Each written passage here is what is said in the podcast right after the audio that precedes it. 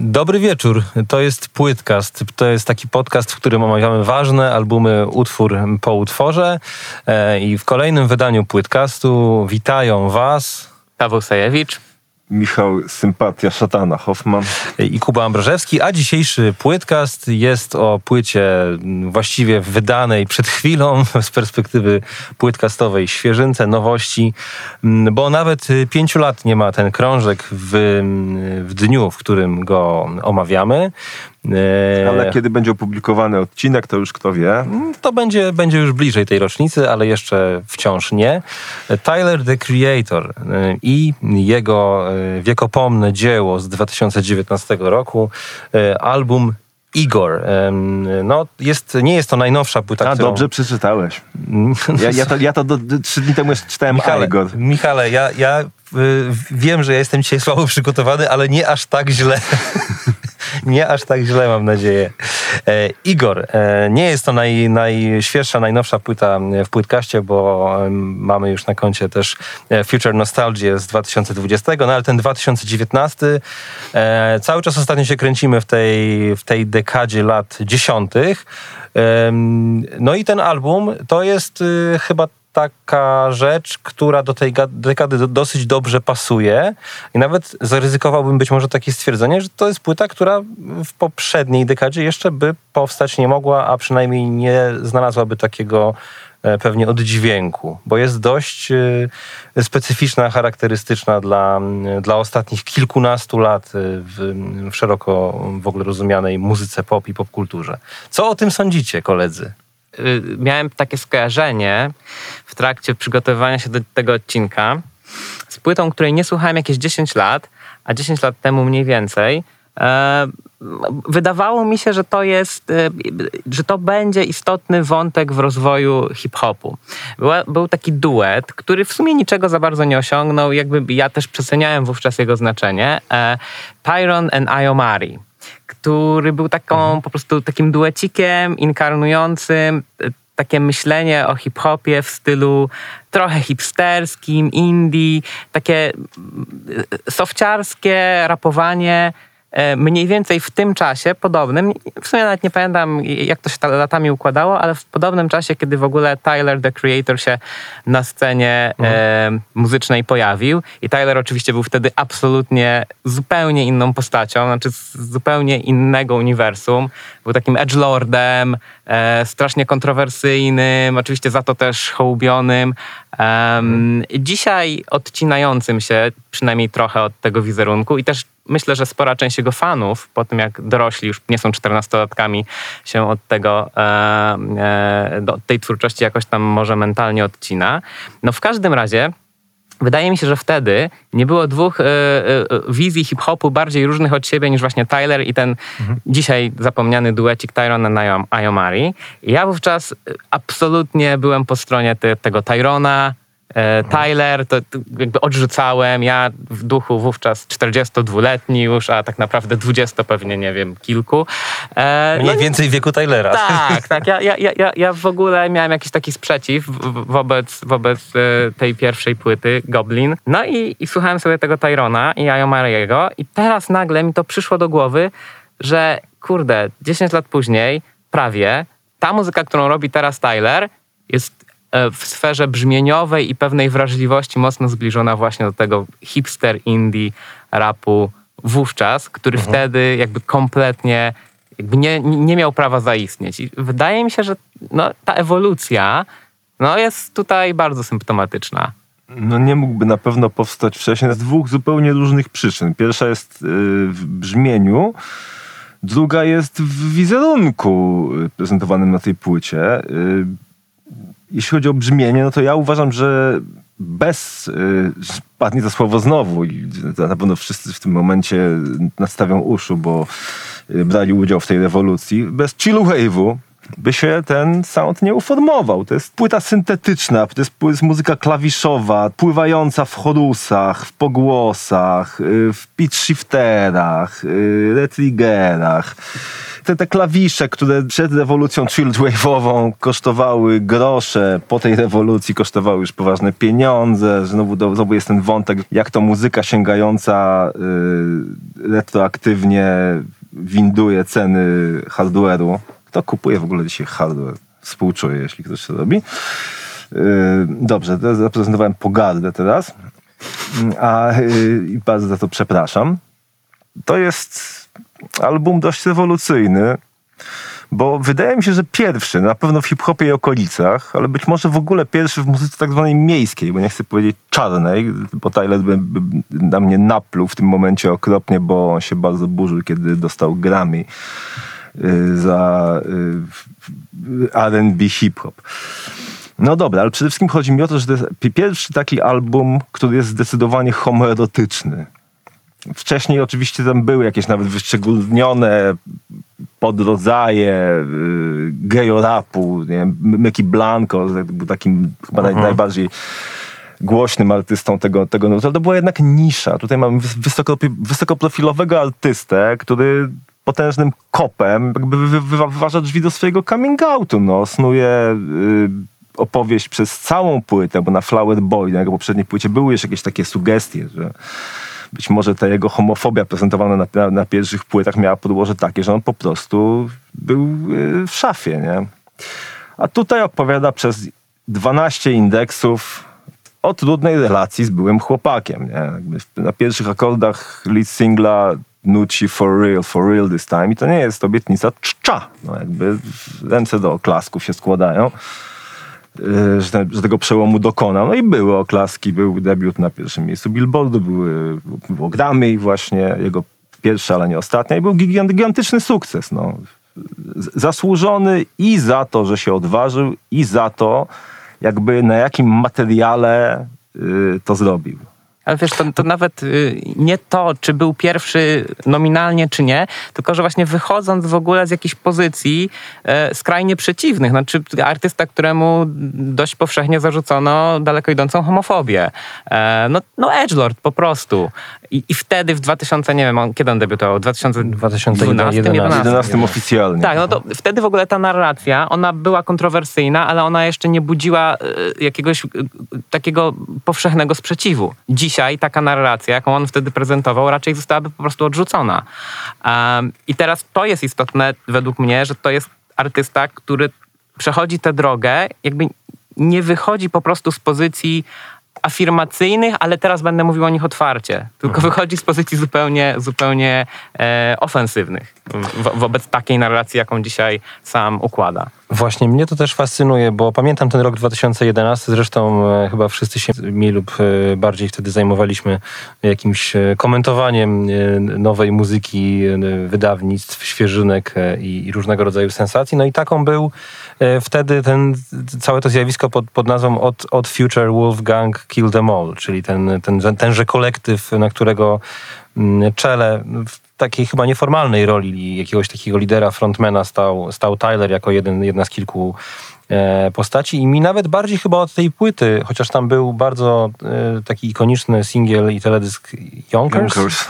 E, ale bardziej od tego ja zapamiętałem taki występ Tylera i, i, reszty chłopaków z tego, z tego składu w talk show Jimmy'ego Fallona i to było dla mnie szokujące wtedy, jak oni wyskoczyli e, na, na scenie no, w prime'time'owej telewizji u gościa w, w garniturze, krawacie, e, ładnie uczesanego, który tam rozmawiał z jakimiś celebrytami.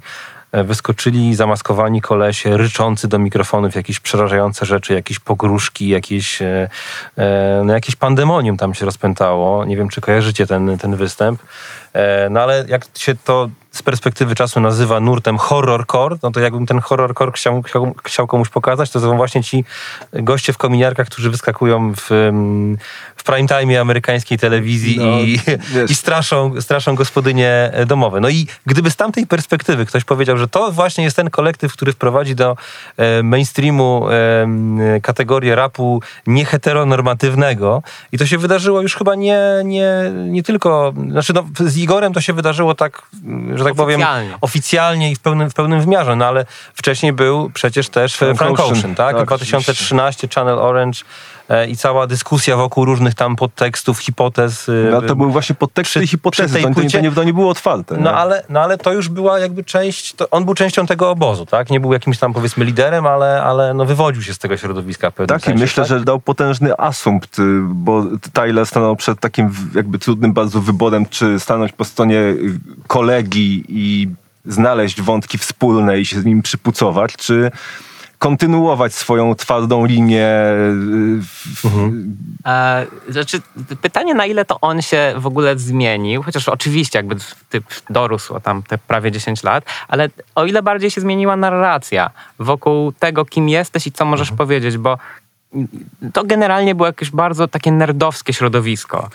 Pewna queerowość, taka em, narracja nie mainstreamowa, czy, czy wówczas po prostu nie heteronormatywna, e, jakby jest wpisana w pewną nerdozę, geekostwo i tak dalej. No, nie wiem, nawet wystarczy sobie spojrzeć, e, jaka jest y, y, społeczność fandomowa na jakichś konwentach, czy to fantazy, czy komiksowych i tak dalej. To jest bardzo takie zróżnicowane środowisko, które ma ten mocny element queerowy w sobie. I teraz w 2012 roku n- nie ma jakby możliwości mówienia o tym, że jakby, że to jest element obecny. Jakby w tym środowisku, w tym, w tym kolektywie Odd Future, tam to, to nie jest tak, że te postacie doszły jakby do tych pozycji, na których się znajdują teraz. One już pewnie wtedy mogłyby taką muzykę tworzyć, jaką dzisiaj tworzy e, Tyler. Tylko po prostu narracja na to nie pozwalała. Mieli też inną strategię, strategię mieli taką, żeby wyskoczyć w kominiarkach. Wtedy to, to zadziałało. A jak, jakby wiesz, musisz zdobyć pozycję. Jak zdobędziesz pozycję, to wtedy masz czas, żeby się w siebie zagłębić, masz jakby prawo, żeby się w siebie y, zagłębić, bo wtedy ktoś będzie chciał o tym słuchać. Nie? Natomiast kiedy robisz to wcześniej, no to niekoniecznie. No to, no, no to gdy- gdyby Tyler wyskoczył z taką płytą w roku 2011, zaszufladkowano by razem z Mickey, go razem z Mickey Blanco, by jakby, wiesz, grał koncerty dla 150 osób w, w Polsce, a nie dla 1500. Czy tam, wiecie, nie, nie wiem, czy on w ogóle kiedykolwiek grał w Polsce, nie wiem. Tyler? Mm, nie wiem, trudne pytanie. Poproszę następne. No ja nie jestem, jakby wiecie, koncertowy, więc... Co, co do samej płyty, bo ja jestem zdania, że trudno się wylosowało ogólnie. Jest y, kategoria tak, tak zwanej płytkastowalności materiału. I ja momentami tutaj przygotowując się do naszego dzisiejszego spotkania, miałem wrażenie, że odrobinkę przeszarżowaliśmy, bo to jest trudny album do ugryzienia z perspektywy naszego, e, naszego Formatu. formatu. E, mieliśmy już w płytkaście koncept albumy. E, I Igor jest też koncept albumem, e, ale tu mam wrażenie, że chodzi o coś więcej, bo ten, ten album oczywiście opowiada pewną, pewną historię. Jest to, e, używając ty tytułu wielkiego przeboju grupy New Order, Bizarre Love Triangle pomiędzy Igorem, e, czyli, czyli tym, tą postacią wykreowaną przez Tylera, e, obiektem jego, jego westchnień e, płci męskiej oraz byłą partnerką tegoż e, obiektu. I faktycznie na poziomie e, analizy czysto lirycznej da się opowiedzieć e, spójną historię biegnącą przez cały album. Ale trudno, trudniej jest y, z tym przebiegiem muzycznym samego albumu. Mam wrażenie, że on w pewnym momencie y, po kilku takich wyrazistych utworach on się mocno podporządkowuje tej warstwie narracyjnej i trochę dla mnie zamazują się granice pomiędzy poszczególnymi utworami. Podział na traki staje się y, chwilami nawet dosyć umowny. Nadal mi się tego świetnie słucha, ale rozszywanie tej płyty, w sensie traktowanie tych utworów tak w kategoriach singlowych trochę, jak to musimy tutaj robić, zwłaszcza w tej drugiej części, no w naszym formacie było dla mnie nieco, nieco problematyczne. Nie wiem, jak wy do tego podeszliście. Nawet jakby Tyler się dowiedział, że my z takim formatem do tej płyty się zabieramy, to znowu by nas tutaj pewnie e, postponował, bo Nawyzywał od... tak, znaczy jego zalecenie do słuchania tego albumu to jest kompletna imersja, takie wręcz świa- podświadome słuchanie, e, próby rozplątania pewnych sensów lirycznych, właśnie na przykład w intro, w pierwszym utworze, są takie właśnie, że on tam poleca wsiąść do samochodu, jakby odetnij się od bodźców zewnętrznych, jedziesz przez jakąś metropolię i ta muzyka ma ci dudnić w kabinie samochodu i ty się całkowicie w tym zanurzasz. Jakby nie zajmujesz się niczym innym, kiedy tego słuchasz. Masz mojej płyty słuchać w pozycji embrionalnej, e, nocą, skulony na podłodze, e, ze słuchawkami na uszach. Czyli oczywiście tak, jak powinno się dobrej muzyki słuchać. Więc faktycznie to rozplątywanie poszczególnych utworów e, było wyzwaniem, ale nawet dla mnie było wyzwaniem rozplątywanie tkanki pojedynczego utworu, który będziemy omawiali. Znaczy każdego z nich, bo one są trochę zrobione na zasadzie kolażu, bardziej niż kompozycji, która jest podzielona Bardzo często tak. tak, według jakichś e, reguł zwrotko-refrenowych. Tak, Owszem, formy są raczej takie płynne, streamingowe bym powiedział. Jest chyba jeden utwór, który ma wyraźnie zaznaczone zwrotki i refreny. Zresztą on jest w samym środku tej płyty. A cała reszta płynie sobie, owszem, ale mówienie, że, że to jest bardziej kolaż niż kompozycja, no absolutnie, kochani, nie. Właśnie jeżeli się za, za- zanurzyć w kompozycję, to ukazuje się nagle sens dzielenia y, tego albumu na kawałki, bo ten album jest y, arcyciekawie ułożony w, te, w bardzo przemyślny sposób, to znaczy y, dwójkami. Dwa pierwsze utwory mają wyraźne cechy wspólne, kolejne dwa znowu, kolejne dwa znowu, dwa, dwa i- dopiero trzy ostatnie, nie wiem jak, gdzie je tutaj wsadzić, ale na pewno coś rządziło również tym, że, to, że one są takie i że one są właśnie tutaj. Także nie, nie, nie. Ja myślę, że, że nie, nie byłbym takim defetystą. Myślę, że, że tu można sporo ciekawego powiedzieć. W tym momencie oczywiście, kiedy jakby robię ten statement, spoczywa na mnie odpowiedzialność, to, kurwa, za to, żebym to właśnie ja to mówił. Ale- Nie wiem, czy udźwignę. Zostańmy przy tym na moment jeszcze, żeby się trochę pospierać, bo ta kolażowość, o której e, wspomniałem, nie chodzi mi o to, że są po prostu wrzucone na rympał jakieś różne dźwięki i mamy po prostu muzykę konkretną, tylko bardziej chodzi mi o fakt, że metodą kompozycyjną rządzi taka trochę ideologia a la Brian Eno, czyli mamy jakby muzyka tworzona jak obraz, warstwami a nie na zasadzie rozwijania tematów w taki klasyczny sposób. Szkoła kompozytorska, prawda, z Akademii Muzycznej, e, uczymy się grać sonatę tam na jakimś To znaczy, klawesynie. Tak, ja się zgodzę, że rzeczywiście, jeśli rozpracujemy horyzontalnie, no to faktycznie, faktycznie można, można ta, ta, takie, takie odnieść wrażenie. Natomiast jeżeli rozpracujemy wertykalnie, no to nie. Ja chciałem, ja I, chciałem i, pow- będę, i, będę, I będę próbował to udowodnić. Dobrze? Ja, chciałem będę powiedzieć, że ja, ja ten materiał doceniłem teraz y, jeszcze bardziej niż wcześniej. Ja oceniłem go wysoko, gdy wyszedł. Nawet, y, nawet gdzieś tam ustawiałem go w jakichś topkach roku 2019. Zresztą podobnie czynili krytycy, bo to jest rzeczywiście top naj, najbardziej cenionych albumów, które wyszły w tamtym 2019 roku. Czy to nie była wasza, wasza jak, znaczy Skinagers płyta roku, nasza płyta roku? Y, Nie wiem, bo ja już od, od kilku lat wtedy nie uczestniczyłem w tworzeniu Podobnie. tego serwisu, Ja- ja- więc, ja rozumiem, więc odpytywanie mnie z tej części historii tego serwisu ma, ma niewielkie szanse powodzenia. E, Ale być może jest to w ogóle album większy niż sam jego twórca. W sensie to jest płyta, która trochę wyrasta nad zasięg, taką siłę rażenia samej postaci Tylera. Zresztą on chyba sam jest zdania, że to jest jego takie flagowe, najlepsze, najważniejsze e, dzieło, właśnie materiał, który jest tą zamkniętą całością, bardzo przemyślaną zawierającą też strasznie dużo wewnętrznych linków. Tu aż się prosi o wstawienie takiego mema z tym szalonym gościem przy tablicy, który...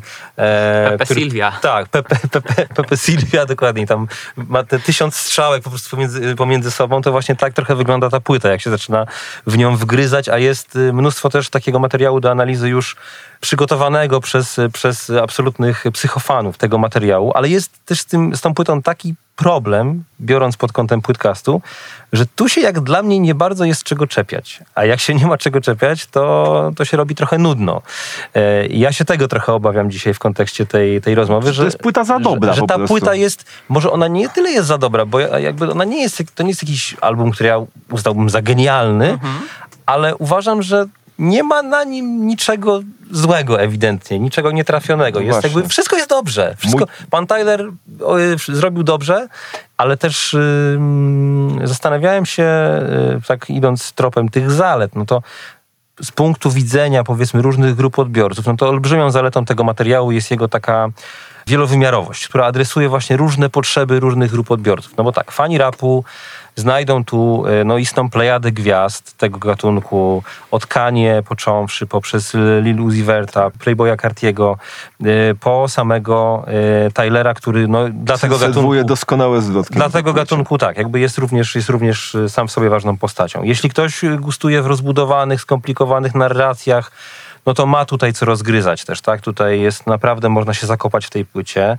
Z kolei ta część odbiorców, która jest y, bardziej nastawiona na ten emocjonalny wymiar e, muzyki, no to ma tutaj prawdziwą ucztę, bo to jest pewne takie studium romansu, jakiegoś emocjonalnego uwikłania w wydaniu bardzo mm, takim szczerym, obnażonym, z całym spektrum emocji bardzo skrajnych, zarówno pozytywnych, jak i negatywnych, więc to jest płyta, którą, e, która rzeczywiście jakoś tak bardzo mocno uderza od tej strony, od tej strony emocjonalnej, jeżeli tego szukamy w muzyce. No i wreszcie myślę, że tutaj Michał dzisiaj będziesz dowodził, że analitycy muzykolodzy też, też mają się e, czym rozkoszować, bo jest, jest kilka momentów, w którym Tyler spełnia swoje ambicje na tym polu, niewątpliwe, bo bo on da, dawał wcześniej dowód wielokrotnie swojej fascynacji muzyką wyrafinowaną pod względem harmonicznym i też swojej takiej erudycji e, muzycznej. Mam nadzieję, że będziemy, e, że nie tylko ja będę mówił o mostkach, bo dla mnie hmm, mostki są na, tej, tak. na tej płycie absolutnym e, topem. Wtręty. Jak, jakby. Tak, to, to, to, te, te, po prostu wiele utworów ma takie nagle, e, takie breaki po prostu, jakieś instrumentalne albo nie tylko instrumentalne, które są często e, po prostu perełkami. E, no i jest tutaj te, te, też takie pole do popisu dla digerów muzycznych, bo wiele utworów jest dosłownie no, skąpanych w pięknych, klasycznych samplach. Często wygrzebanych z dość głębokiej dupy, chociaż nie zawsze, bo też są sample dosyć oczywiste. Mm, no ale to sprawia, że ta płyta jest przez większość czasu po prostu bardzo przyjemna. Ma taki ciepły, pluszowy, no pewnie ten właśnie post-chillwave'owy vibe. E, mimo często niewesołych treści. Jej się po prostu miło, tak sonicznie e, doznaje. Ja właśnie chciałem powiedzieć, że jest to płyta trochę niedoceniona na polu analizy muzyki. No jakby żaden z piszących o Igorze nie zadał sobie trudu, żeby usiąść i przynajmniej przegrać fortepianówki z tą płytą. No ja wiem, że kredyty muzyczne tego nie robią, ale kurde, gdyby ktokolwiek piszący w internecie, gdzieś na Tumblerze, kurwa, czy gdzie tam, yy, to zrobił, to już by wiedział, że jakby szerokość spojrzenia typa, umiejętność eleganckiej kombinacji, swoboda w łamaniu własnych schematów, kurde, jest po prostu na tej płycie kwiecista, porażająca.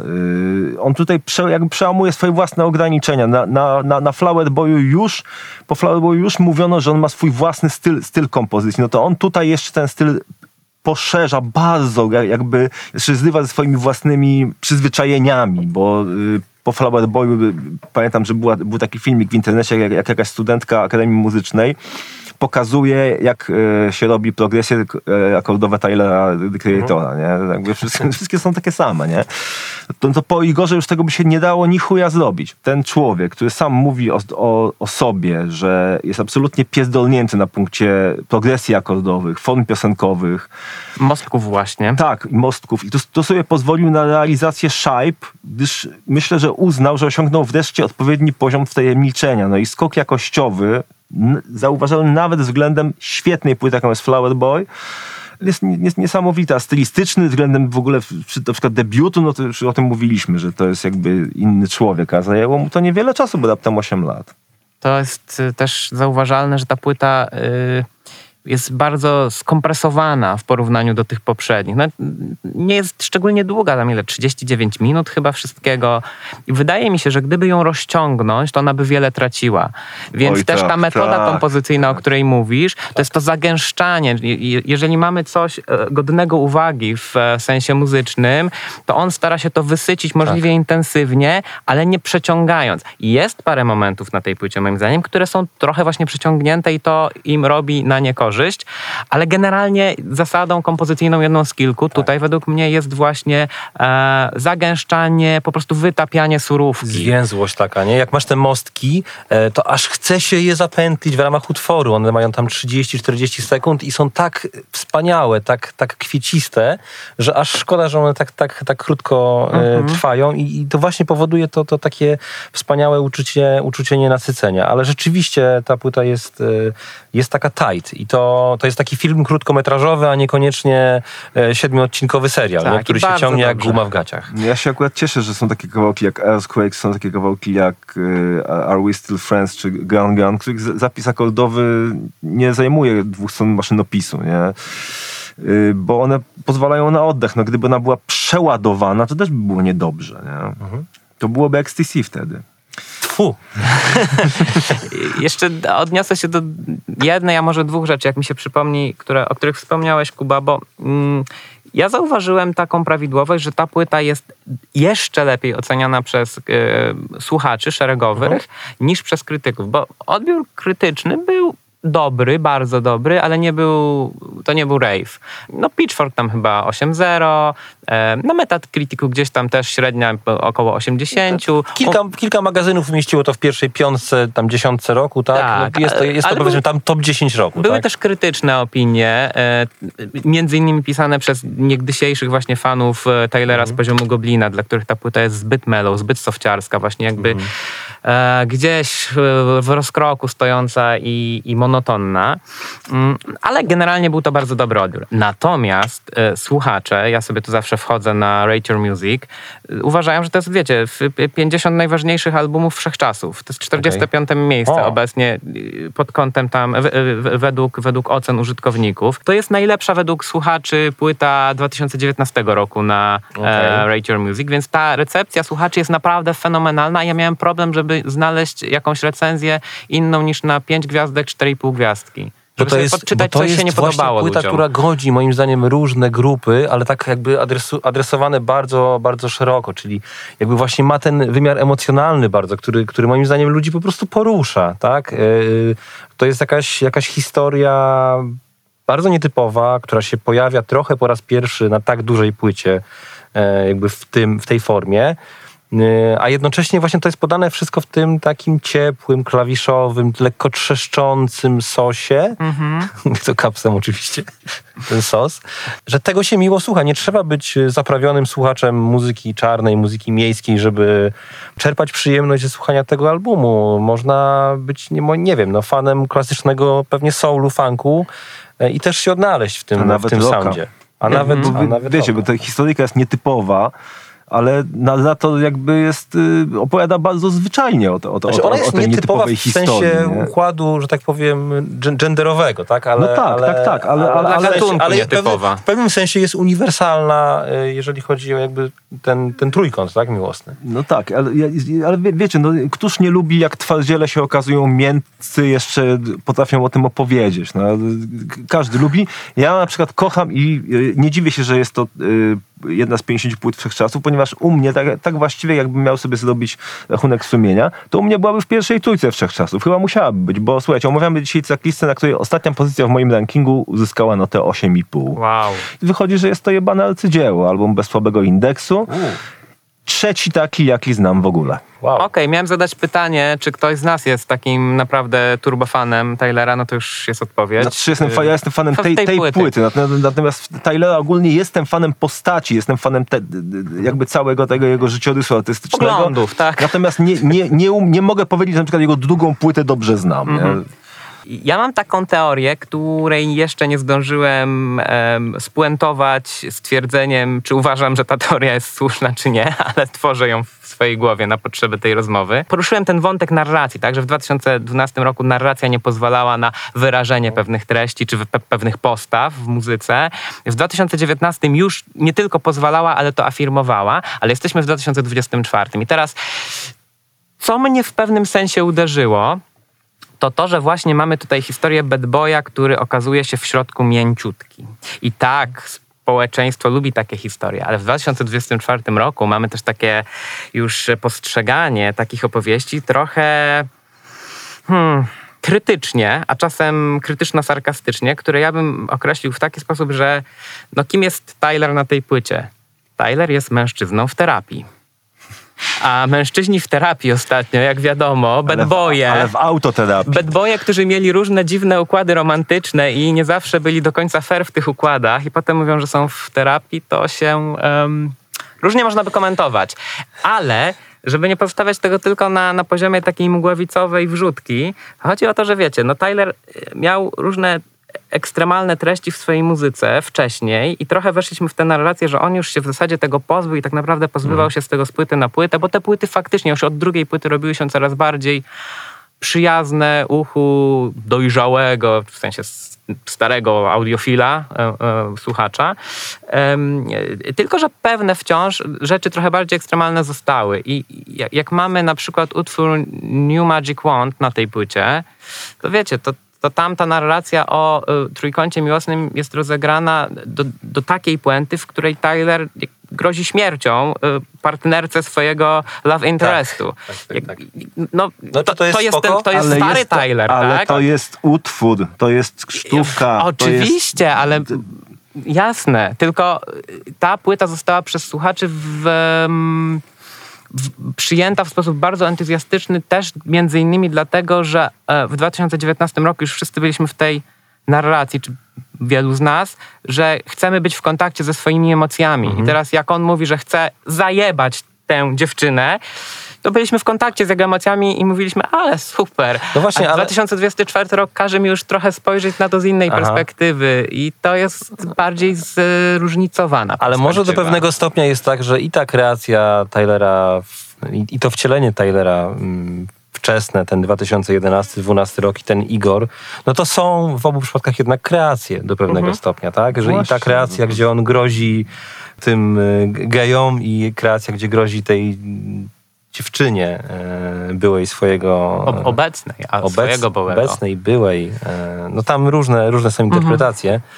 W, obu, w obu przypadkach mamy do czynienia jednak z kreacją artystyczną do pewnego stopnia. No i e, jasne, że pewnie ta Zigora jest czymś, z czym Tyler się bardziej dzisiaj utożsamia. No ale z jakiegoś powodu to jest Igor, a nie Tyler, nie? Jeśli jesteś naprawdę w terapii, a nie tylko piszesz o, o tym na Instagramie, no to jeśli masz taką emocję, że chciałbyś zabić kogoś, no to o tym mówisz podczas tej terapii. Nie Podczas- chowasz tego dla siebie, bo nie na terapii. tym polega terapia. No. Zastanawiam się, czy wszyscy jesteśmy łącznie w terapii z Tylerem, czy jest to po prostu nasza próba mm, opowiedzenia, że jest to wybitny artysta, który mówi o swoich uczuciach. I będziemy się nad tym jeszcze dzisiaj Nie, to, może, zastanawiać. to może ja się skupię jednak na akordach. Wiesz? Dobrze. E, Nie czuję się na siłę. To ja proponuję, abyśmy przeszli już do materii, e, nawet nie materii, tylko do materiału po prostu i zaczęli od, e, od początku, od pierwszych e, sekund dźwięków, od e, Igor's Theme. Mm, No i co, Michale? To może, to może ty zaczniesz, skoro to jest top 3. Mogę, mogę. No nie wiem, tak, tak dobrze, dobrze, nie, nie, bardzo chętnie. Słuchajcie, y, za, słuchajcie. To, to, to, to, Słuchajcie. to już nawet nie jest bingo, to, już- to, to, to jest jakiś... musimy to jakoś wykorzenić. Słuchajcie.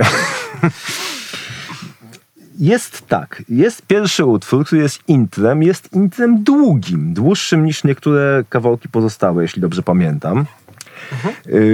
I Jest intrem bardzo ciekawym, w którym się sporo dzieje. Może nie na samym początku, bo na samym początku mamy 25 sekund y, dźwięku basu y, z Rolanda. Nie no, 24. 8 to jeszcze nie, hiperbola, wiesz. Zaokrąglił. no ale potem zaczyna się już utwór właściwy. No i zacznijmy od, od muzyki, od tego, co mnie najbardziej interesuje, czyli od harmonii. Harmonia jest interesująca. Źródła podają coś tam, coś tam. Moim zdaniem to jest D-moll, F-moll z B w basie, A-moll, C7. To znaczy, to jest taka modulacja grzebieniowa, czyli akordy pierwszy i trzeci są w jednej tonacji, nazwijmy ją pierwszą, a drugi i czwarty w innej, nazwijmy ją drugą.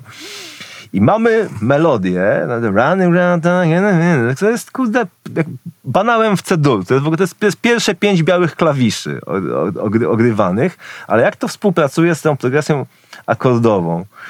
Tak, że ten jeden dźwięk powtarzany na początku ty, ty, ty, ty, ty, jest w tonacji numer jeden osadzony, a ta kadencja, która potem to wykańcza, ty, ty, ty, ty, ty, ty, jest, jest w tonacji numer dwa. Mimo, że to jest C-dur, ogrywany jest tak, że kurde, wszystko to się zajebiście zazębia i co chwila zmienia. Co takt mamy coś minimalnie innego, a może nawet nie, nie, nie minimalnie. Także super jest to, jest to pomyślane. Nie wiem od czego on zaczął. Przypuszczam, że jednak od melodii. Te melodie są, są, takie nucalne, one są rzadko klawiszowe. To, to, są, to są proste melodie, z z reguły trój, czterodźwiękowe. y, Jakby Tyler nie próbuje skakać wyżej własnej dupy. Wie, jakim jest wokalistą i skupia się na, raczej na aranżacji wokali, żeby te proste melodie ciekawie oprawić i robi to fantastycznie. Nieraz kurde jestem zdumiony, jak bardzo fachowo on to robi. Jakby miał specjal do orkiestracji, jakby do pomocy, a nie miał. Tu na przykład jest potężny taki chórek kościelny, który zresztą wróci w ostatnim numerze na tej płycie, będzie taka klam, klamerka. Co ja mogę powiedzieć, cholera? No, y, lubię paletę, którą tutaj już nakreśla niemal w całości. Y, pokazuje swój zestaw klawiszy, y, czyli Rolanda właśnie JX8P, którego, którym już wspomniałem, to głównie do basów, Yamaha DX7 to głównie do pianinek, Rolanda Juno 6 to głównie do padów, Profeta to głównie do lidów, Rhodesa jako Rhodesa i tam jeszcze gdzieś Microcorga zmieścił. Lubię długie, elokwentne intra. Zwłaszcza jeżeli brzmią tak mistrzowsko jak to, kurde. W ogóle ten fantastyczny, długi drum break z kawałka Attention zespołu Head West. Nie znam, nie słyszałem, nie wiem nic, ale kurde, ten, ten drum break jest absolutnie mistrzowski. Tak kapitalnie podkreśla fakturę klawiszową, winylową. No nie ukrywam, że to intro było dla mnie inspiracją przy nagrywaniu swoich rzeczy. Niektórych. Yy, późniejszych. Yy, dziewięć punktów daje tak troszkę y, myślę, że nie za mało, bo w kategorii intro płyty nie wiem, czy słyszałem kiedykolwiek lepsze intro płyty. Dziewiąte miejsce, no. Bo to jednak, bo jednak jest to intro. Dzie, słuchajcie, no, dzie, dziewięć punktów, to mówi samo za siebie. Dziewięć punktów, dziewiąte miejsce, no. Pojebało. No, no coś muście, co, nie mogłem zrobić jakby na Dobrze. pięciu miejscach egzekwo po dwa, trzy numery. Tak? Michał jest w obozie słuchaczy, a nie krytyków. Dzisiaj wyjątkowo Ja tak. powiedziałem, że mi się na tej płycie wszystko podoba, ale wyjdę się na jakiegoś hejtera chyba. Co dopiero ja. A to już właśnie o to chodzi, że ta płyta jest za dobra, więc musimy mimo to, że jest za dobra, znaleźć tutaj jakieś rzeczy, których nienawidzimy być może nawet. No, no I, podczas terapii o tym opowiemy kiedyś. No dobrze. E, 24 sekundy. Tak, tyle trwa ta e, statyczna, nieruchoma plama e, basowego syntu rozpoczynająca ten album. Rzekomo ten dźwięk, który tutaj został e, użyty, to, to, to brzmienie, ten sound basu, pojawia się potem w jakiejś formie, w jakiejś inkarnacji e, we wszystkich utworach z albumu. I rzeczywiście, jak się wsłuchać, e, to wydaje mi się, że, że, że, on tam, e, że on tam się pojawia w bardzo wielu miejscach w taki słyszalny sposób. I w ogóle można mieć poczucie, że ten utwór jest praźródłem wielu dalszych wątków, e, które na tej płycie się, się dzieją. A ten bas w ogóle też wydaje mi się, że kończy płytę. Znaczy te ostatnie, ostatnie sekundy mhm. finałowego numeru, y, tam po prostu to wszystko tak, wygasa jest, i przechodzi znowu, pianina i, i, przechodzi znowu w, ten, w, to, w tą, w tą plamę, w, w, ten bezruch. Faktycznie jest to, jest to intro z prawdziwego zdarzenia. Na poziomie konstrukcji piosenki, utworu, to ja tutaj jestem w, w teamie Pawła, który mówił o, o tym wrażeniu kolażu, bo ja mam wrażenie, że to rzeczywiście jest trochę kolaż. No ten... Niekoniecznie jakoś nawet bardzo chirurgicznie skonstruowany, chociaż, chociaż Michał tutaj argumentował dość mocno, że, że, że, jednak, że jednak tak jest. Ale ja mam właśnie wrażenie bardziej, e, nie analizując tego jakoś głęboko, bo nie potrafię, pewnego takiego kontrolowanego chaosu w tym, w tym utworze. Jeśli to jest pierwsza, czy nawet zerowa scena w filmie jeszcze przed pokazaniem tytułu, to bohater jedzie w niej, no właśnie on sugeruje, że, że, że w samochodzie, ale dla mnie to bardziej, mam tutaj tak, taką wizualizację, że jedzie na desce przez swoją dzielnicę, mamy widok typu FPP, jedziemy bardzo, bardzo szybko, mijamy różnych ludzi, różne sytuacje, ktoś coś do niego krzyczy, ktoś śpiewa, może ktoś kogoś bije, ktoś na drugim planie płacze z jakiegoś powodu, y, ale na razie to wszystko przelatuje trochę bez kontekstu.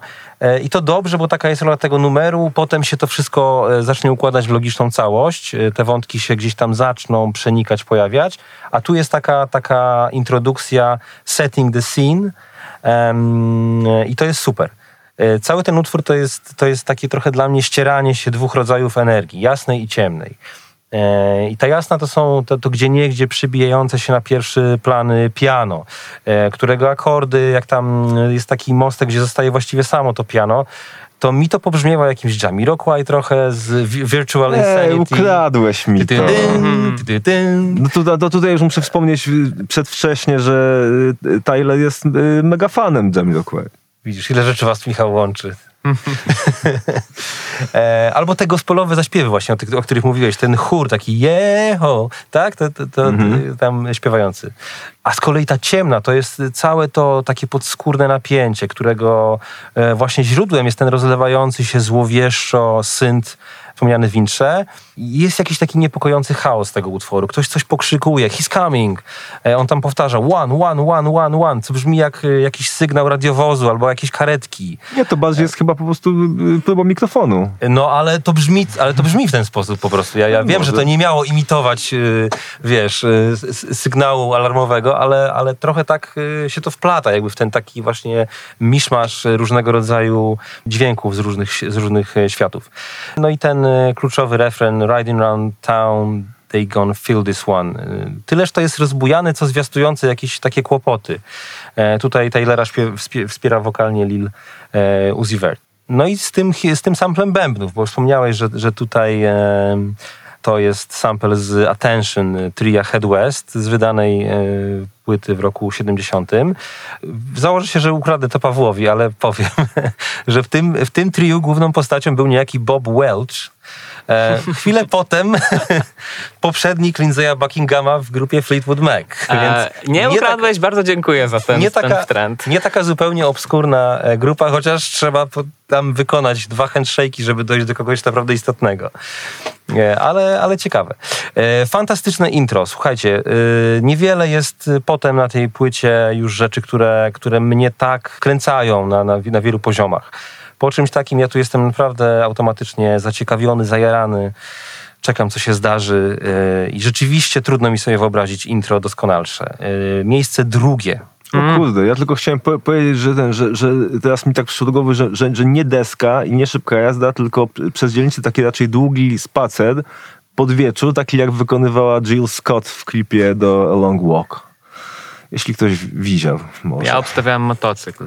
Okej. Słuchajcie, Or scooter. e, powiedzieliście tak dużo, że, że y, mam w ogóle ochotę posiłkować się z jakąś anegdotą z innego porządku, żeby zapełnić ciszę, która powinna teraz nastać. A, ale dobra, nie no, spróbuję coś uszyć. Y, y, Kuba, powiedziałeś o tym, że to są jakieś elementy ciemne i jasne, które się tu ścierają. Ja mam w ogóle zapisane jako jedną z moich kluczowych spostrzeżeń A, a propos tej płyty, to, że nią rządzi w ogóle zasada kontrastu, jako znowu pewna metoda kompozycyjna, e, w moim odczuciu laika, ja się na komponowaniu nie znam, ale jak słucham e, utworów komponowanych przez trochę bardziej tradycyjnych songwriterów, to e, to ta metoda kontrastu jest czymś innym. Działa inaczej. Mamy tutaj i również w tym utworze pierwszym coś, co na moje ucho brzmi jak taka naprawdę powtarzana bardzo konsekwentnie i bardzo ym, niewiele się zmieniająca y, główna figura. I teraz przełamujemy ją na przykład tym wejściem fortepianu. I, i jakaś kompletnie nerdowa, po prostu brzmiąca jak muzyka z gry komputerowej, e, syntezatorowa barwa, nagle zostaje przełamana kompletnie lounge'owym, takim jobowym wręcz e, pianinkiem, no, jakby inny świat. Więc w tym utworze na przykład mamy nerdozę kontra jo- jobowość jako zasadę kontrastu. W innych utworach będziemy mieli dość prostsze motywy y, rytmiczne, takie bardziej straightforward, na przykład przełamane bardzo już skomplikowanym i e, zagęszczonym mostkiem. Albo po prostu brzydkie, ładne, nie? Tak, dokładnie. Znaczy, y, te kontrasty będą bardzo różne tutaj. Albo barwy wokalne. Na, Też. na, przykład, że, że y, y, bohater piszczy jak mysz, żeby potem ryknąć jak lew. Mhm. Jest taki jeden kawałek. E, więc to jest coś, co Tyler bardzo konsekwentnie w moim odczuciu stosuje i chwała mu za to, bo to jest, to jest rzecz e, ciekawa i w ramach tego e, intra rzeczywiście to działa, to jest jeden z moich też ulubionych utworów na tej płycie, więc tutaj to działa naprawdę doskonale. Potem będę być może miejscami na to trochę też narzekał, ale to, to, to zaczekajmy. Wspominaliście też o całej gamie gości, y, którzy się na tej płycie pojawiają. Co ciekawe, ja dopóki nie przeczytałem tej listy, tych featuringów, to ja kompletnie się w tym nie orientowałem. Znaczy nie byłem w stanie tego wysłyszeć. I myślę, że to jest zabieg celowy. Ego zostaje roztopione na tej płycie. Ja nie wiem czasami, który to jest Tyler, nie wiem czasami, kto śpiewa chórki, nie wiem czasami, kto się pojawia e, w trzeciej zwrotce i potem sprawdzam, a to był Kanie. I tak to ma zadziałać. Znaczy, tu nie chodzi o to, kto jest gwiazdą, tu nie chodzi o to, kto jest frontmanem, tu nie ma frontmana, bo to dla mnie nie jest w ogóle płyta, która działa w e, takim idiomie właśnie zwrotka, refren, gdzie ktoś dorywa się do mikrofonu i teraz swoją charyzmą nas e, atakuje. E, więc to też jakby dokłada się do tego efektu kolażowości. Mamy różne głosy z różnych światów, które będą nam tutaj się do tego mikrofonu chociażby na, na kilkadziesiąt sekund czy kilkanaście sekund dorywały. E, I w tym intro też już to e, jest zakomunikowane. Zgadzam się, że jako um, y, takie zaproszenie do tej płyty ten utwór działa fenomenalnie i oczywiście w płytach, które są z tego porządku hip-hopowego, chociaż Tyler twierdzi, że to wcale płyta hip-hopowa nie jest i raczej bym się przychylał do jego opinii, ale pozostańmy na chwilę przy tym uproszczeniu, więc w płytach hip-hopowych mamy bardzo często taką instytucję intro do wstępu. Ja notorycznie łapię się na tym, że ją skipuję. Tam, dobra, to mhm. puszczę od utworu drugiego, bo tam się dopiero zaczyna mhm. dziać. Nie tutaj. Tutaj od początku jest bardzo gęsto i bardzo no substance only, no po prostu. No, jest ciekawie. Nie wiem, czy, czy w porównaniu do tego, co się dzieje później, to jest kurwa gęsto, bo gęsto... to, to, jest, to jest jeszcze taka wersja soft. Wiesz, no to ostatnią rzecz, o którą jeszcze tutaj zahaczę, to jest to, że powiedziałeś, że y, ciągle coś się zmienia, chociaż są to zmiany czasami subtelne, a potem powiedziałeś, że w sumie może nie tak subtelne. Na moje ucho, jako odbiorcy, który tego nie rozkłada właśnie na, na fortepianie, nie będzie, nie jest w stanie tego sprawdzić, to jednak brzmi w taki sposób, jakbyśmy mieli tutaj pewną e, ustaloną, charakterystyczną figurę, która jest aranżacyjnie na różne sposoby opierdalana po mhm. prostu, dookoła, w ten sposób, w tamten sposób, tak. ale trzymamy się jednak czegoś bazowego, co tak. przynajmniej w sferze odbiorcy, mnie, to brzmi tak samo. Półtorej minuty utworu, aż się pojawi to lounge'owe pianino, które w, mhm. w, sumie tak naprawdę też nie jest zupełnie oderwane od tej głównej progresji według mnie, no ale te półtorej minuty tam się dla mnie praktycznie nic nie zmienia. To jest jakby statyczne. Tylko, że mamy to bardzo ciekawie uornamentowane. Mhm. To jest ażurowa konstrukcja, ale na, w sensie odbiorcy, dość prostym e, motywie melodycznym. Ale właśnie to jest, to jest to, ta analiza wertykalna, że jakby tutaj, tutaj jakby wchodząc, wchodząc głębiej, ciągle się na coś natykasz. To w, ka mhm. w każdym kawałku tak, tak, tak. jest. No, słuchajcie, moje miejsce czwarte.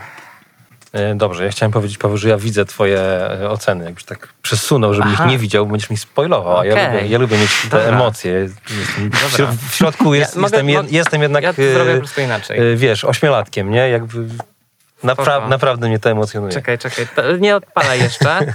ja totalnie bym zostawił to, to, co Kuba powiedział, bo to było tak poruszające. To, twardziel pokazał swoją miękką stronę. No i, ale ja w ogóle nie zamierzałem niczego wycinać. Tu tak. jesteśmy na żywo, prawda? Tętno pulsu, czy bić dzieci. Bić oczywiście. E, Earthquake. Słuchajcie, no tak, y, mnie też y, fascynuje relacja tej płyty z tymi gwiazdami, które się na niej pojawiają. W pierwszym traku mieliśmy nie tylko Uziego, ale mieliśmy też Solange która się zresztą jeszcze potem e, pojawia nieraz. Tutaj jest e, Playboy Carti, jest Charlie Wilson też, który jest takim głównym e, chyba śpiewakiem e, tego albumu. Będą jeszcze między innymi, nie tylko, ale między innymi Kanye, Pharrell, Jack White, LaRue, Santigold. E, słuchajcie, żadna z tych e, niewątpliwych, często bardzo wielkich gwiazd światowego formatu, jak to się mawia w telewizji, nie pojawia się na oficjalnym ficie. Nie są to, nie są to duety, nie ma jakby przypisów w serwisach streamingowych. To jest super ciekawa decyzja, e, bo no marketingowo jest to na pewno no odbieranie sobie paliwa po prostu, tak? No mieć tyle linków porozszywanych do swojego utworu po profilach y, artystów, którzy są słuchani przez dziesiątki milionów ludzi każdego, każdego miesiąca, a jednak on tego nie zrobił z jakiegoś powodu, tak? Oni też tego nie oczekiwali, być może, e, a, a być może jakoś to było inaczej uargumentowane. Mnie to, mnie to mega frapuje z takiego punktu widzenia trochę technicznego mm -hmm. bardziej, Że, że, że, że, że on sobie te, to odebrał. Wiesz co, po pierwsze i tak tracklisty w wersji z, z featuringami poszły, bo ja je czytałem. Yy, a po no drugie, tak, ale kto to czyta, nie? To, to... A po drugie, no, no i wiesz co, nie, to ch chyba, chyba, chyba akurat w tym przypadku nie, nie, nie trzeba pomocy ani tym gwiazdom, które wystąpiły, ani y, Taylorowi, bo oni wszyscy mają setki milionów odtworzeń, wiesz, tak czy inaczej. Nie muszą no, łowić i żebrać. No wiesz, no, pe ale pewnie jakieś tam, nie wiem, kilkadziesiąt procent y, sobie, sobie w ten sposób y, Nie, no jasne, odciął, tam- nie? E, Myśląc, myśląc w kategoriach y, czysto biznesowych, a niestety, znaczy niestety, stety, niestety, no taka jest rzeczywistość, że większość artystów, managementu wytwórni w ten To sposób, prawda. To, w ten sposób myśli. Też na to zwróciłem No uwagę. to, no to ktoś by powiedział, ej stary, ale jakby ty prze, nie- jakby nie robiąc tego, to w, tam w rok stracisz x milionów dolarów, nie? No ale jednak. E, Okej, zostawmy, te, zostawmy te brudne realia rynku fonograficznego. Wróćmy do muzyki. Earthquake. E, Najbardziej znany fakt o tej piosence to, że była napisana z myślą o Justinie Bieberze. E, Potem została zaoferowana Rianie. Oboje ten track odrzucili. I to jest, to jest jakaś taka informacja, która bardzo rozpala komentatorów. A ja szczerze mówiąc nie dziwię się, że odrzucili, bo mimo e, niezaprzeczalnej hitowości, e, mimo że ta piosenka jest czarująca, jest urodziwa, e, emanująca ciepłem, emocjami, to to nie jest numer dostatecznie sformatowany na gwiazdy tego formatu. On zawiera zalążek wielkiego komercyjnego hitu, ale nie ma tu fokusu na tym jednym elemencie. To jest mimo wszystko cały czas rozpieprzone. W skrócie jest to piosenka jednak autorska, a nie komercyjna. Ona ma elementy komercyjne, ale jednak o jej sensie stanowi coś zgoła innego tutaj. Jest w tym kawałku mm, jednak zdecydowanie więcej takiego luzu, feelingu, przede wszystkim pewnej dziwności niż w piosenkach, które, które wykonują e, gwiazdy pokroju Justina Biebera. Chociażby ta dziwna zwrotka e, Cartiego, nawet jak na niego kompletnie niezrozumiale wymamrotana. Reszta to są jakby w sumie wariacje jednego refrenu z modyfikacjami aranżu pod spodem, jakąś kakofonią ścieżek wokalnych, których momentami tam lecą trzy, cztery naraz. Tam się robi straszny gąszcz tych, tych różnego rodzaju głosów właśnie, które coś dośpiewują, dogadują. Y, To wszystko jednak powoduje, że moim zdaniem to jest hit gatunkowy, e, a nie taki uniwersalny dla mas, mimo tego, że refren ma uniwersalny potencjał. Ale mi się wydaje, że jednak ta piosenka, kiedy była przedkładana Bieberowi i Dianie, to ona się składała się głównie z tego refrenu, a tego, a tego o czym mówisz, zwrotki Plebeya Carti, tych, tych, tego nie było wtedy jeszcze. To był jakiś taki surowy sketch, wiesz, z, zajebistą melodią, która miała, która był, byłaby hitem, gdyby ją sformatować. Pewnie tak, ale nie, nie mógłby tego dalej chyba już e, Tyler y, pewnie pisać ani produkować, Możliwe, tylko, tak. tylko potrzebowałby tam e, wejść jakiś, e, jakiś zawodowiec taki od, e, od robienia hitów, e, na przykład Robert M. No właśnie, ten refren ma, ma, ma na pewno uniwersalny potencjał, bo jest tu taki dziecinnie prosty przekaz y, miłosnego wyznania, który ma fajny pewien też, y, fajną pewną głębię, jak on śpiewa tam Don't leave, it's my fault, no to ta fault to nie jest tylko wina, ale też uskok, czyli coś, co się pojawia przy trzęsieniu ziemi, hashtag gra, gra słów, yy, gra półsłówek nawet, yy, bardzo sprytne. Zresztą to wejście refrenu, to don't leave z tym dropnięciem basu, to jest ten moment Earthquake, kiedy ono się ociera o, o bycie bęgerem, a jednocześnie jest to cały czas rodzaj takiego lamentu, wołania o pomoc, jakiejś desperacji, która w tym, e, w tym jest. I w tym chyba e, tkwi ta podwójna siła mm, Earthquake, że to jest y, bardzo przyjemna muzycznie propozycja. Tego się po prostu super słucha, super się do tego pobujać, pośpiewać sobie te melodyjne frazy, ym, a jednocześnie jest to podszyte autentycznymi emocjami. For real, tak? For real this time. Jest, jest to prawdziwe w tym sensie, że czuć w tym e, jakąś pasję, że jakby he means it. For real this time. Jest to, tak szeroko patrząc, mój, mój ulubiony rodzaj popu, który jest z jednej strony osobny, dziwny, a z drugiej nie boi się sięgać po momentami takie populistyczne środki e, i Jak, operować. jak beat z 808. Tak, i, i, albo, albo, albo chociażby ten, e, ten, ten refren, tak? E, I operować czymś bardzo, bardzo uniwersalnym właśnie. Mam problem z tym, e, z tą, z tą kwestią rankingu na tej płycie. Powiedziałem wam przed naszym nagraniem, że mm, zostawiłem to na sam koniec. W ogóle nie towarzyszyły mi myśli o, o, kolejności tutaj e, podczas, podczas przygotowywania się. Jakieś mi się to wydaje takie... Mm, nie pasujące do tego materiału. No ale niech będzie. To jest moje pierwsze miejsce. Hmm. Mam reminiscencję. Była taka płyta, gdzie dałeś pierwsze miejsce, na, pierwszy numer na drugim, a drugi, drugi numer na pierwszym. Co to było? Nie była Dua Lipa? Coś takiego znowu? No na pewno nie, to nie była Dua Lipa, bo tam też było coś, intro. Coś, coś takiego zrobiłeś, Na tak, tak że, że się wystrzelałeś. Stereo Lab. E, Tak, tak, tak, tak. Tylko tam pierwszy, pierwszy utwór był na pierwszym, a drugi na drugim. A, no to, to jednak nie, to cofam. Ale to ja jeszcze pomyślę w międzyczasie, za- zagłębię się w historię płytcastu, a teraz e, oddaję głos Pawłowi. Refren. Yy, tylko pytanie, co w zasadzie w tym utworze jest tym refrenem. W sumie to się zgadzam, że ta fraza don't leave, ale może fraza cause you are my earthquake. A może to wszystko Może jest to jeden jest długi dokładnie. refren? Znaczy, y, y, y, fluktuacje w ramach struktury tego utworu są tak duże i to wszystko tak płynnie przechodzi jedno w drugie, że rzeczywiście ja się nie dziwię, że pod kątem takiego po prostu radiowego popu to artyści z pierwszych stron gazet to mogli kręcić nosem. Niezależnie od tego, w jakiej e, fazie powstawania ta kompozycja była im oferowana. Ale znowu, tak jak y, płynnie przechodzą te motywy jeden w drugi, tak trochę jeden utwór przechodzi w drugi też pod względem metody twórczej, bo znowu ja słyszę tutaj e, stosunkowo prostą na moje uszy figurę, która jest bardzo ośpiewana ciekawie, w taki sposób, że tak jakby Tyler chciał postawić takie pytanie, ile można zawiesić na prostej ramie, żeby ta rama się pod y, ciężarem tego, nie- niech będzie, geniuszu nie zerwała. No i ona się nie zrywa, jakby wszystko to tutaj się trzyma kupy i mamy utwór, który jest y, ewidentnym singlem z tej płyty, jest rzeczywiście najbardziej... y, Pomimo tego, że nie jestem w stanie powiedzieć, co jest w nim refrenem, to faktycznie to jest utwór, który ma refren jakiś, a nie, a nie każdy utwór tutaj refren będzie posiadał. A takim smaczkiem, moim zdaniem, który już dowodzi kompletnie tego, tej błyskotliwości aranżacyjnej Tylera jest to, że moja ulubiona rzecz, która się tutaj pojawia, taki oscylujący klawiszowy motyw pod właśnie tą frazą Don't leave, it's my fault, on się pojawia tylko raz. On się pojawia przy pierwszym przebiegu tej frazy. Bo potem w zasadzie już nie, nie jest wykorzystywany. Potem przy kolejnych refrenach on inaczej aranżuje to, co się dzieje pod spodem, pod linią wokalną.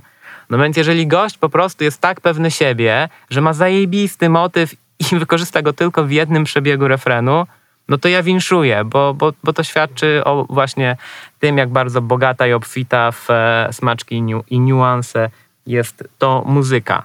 Tutaj moim zdaniem Tyler jest y, najbliższy na płycie właśnie takiemu wzorcowi czegoś, co nie, nie, nie wiem, czy taka, taki gatunek funkcjonuje, ale ja to sobie właśnie nazwałem jako taki hipster rap, taki, e, który gdzieś tam słyszałem, czy sobie próbowałem te, słuchać y, parę lat wcześniej, kiedy Tyler robił horror rap, e, to tutaj on już jest takim po prostu ziomkiem, który no, zbliża się do tej muzyki indie w wyrazowości, w, e, w, w po prostu w brzmieniu, w wykorzystanych e, planach dźwiękowych, jakichś barwach dźwięków i tak dalej.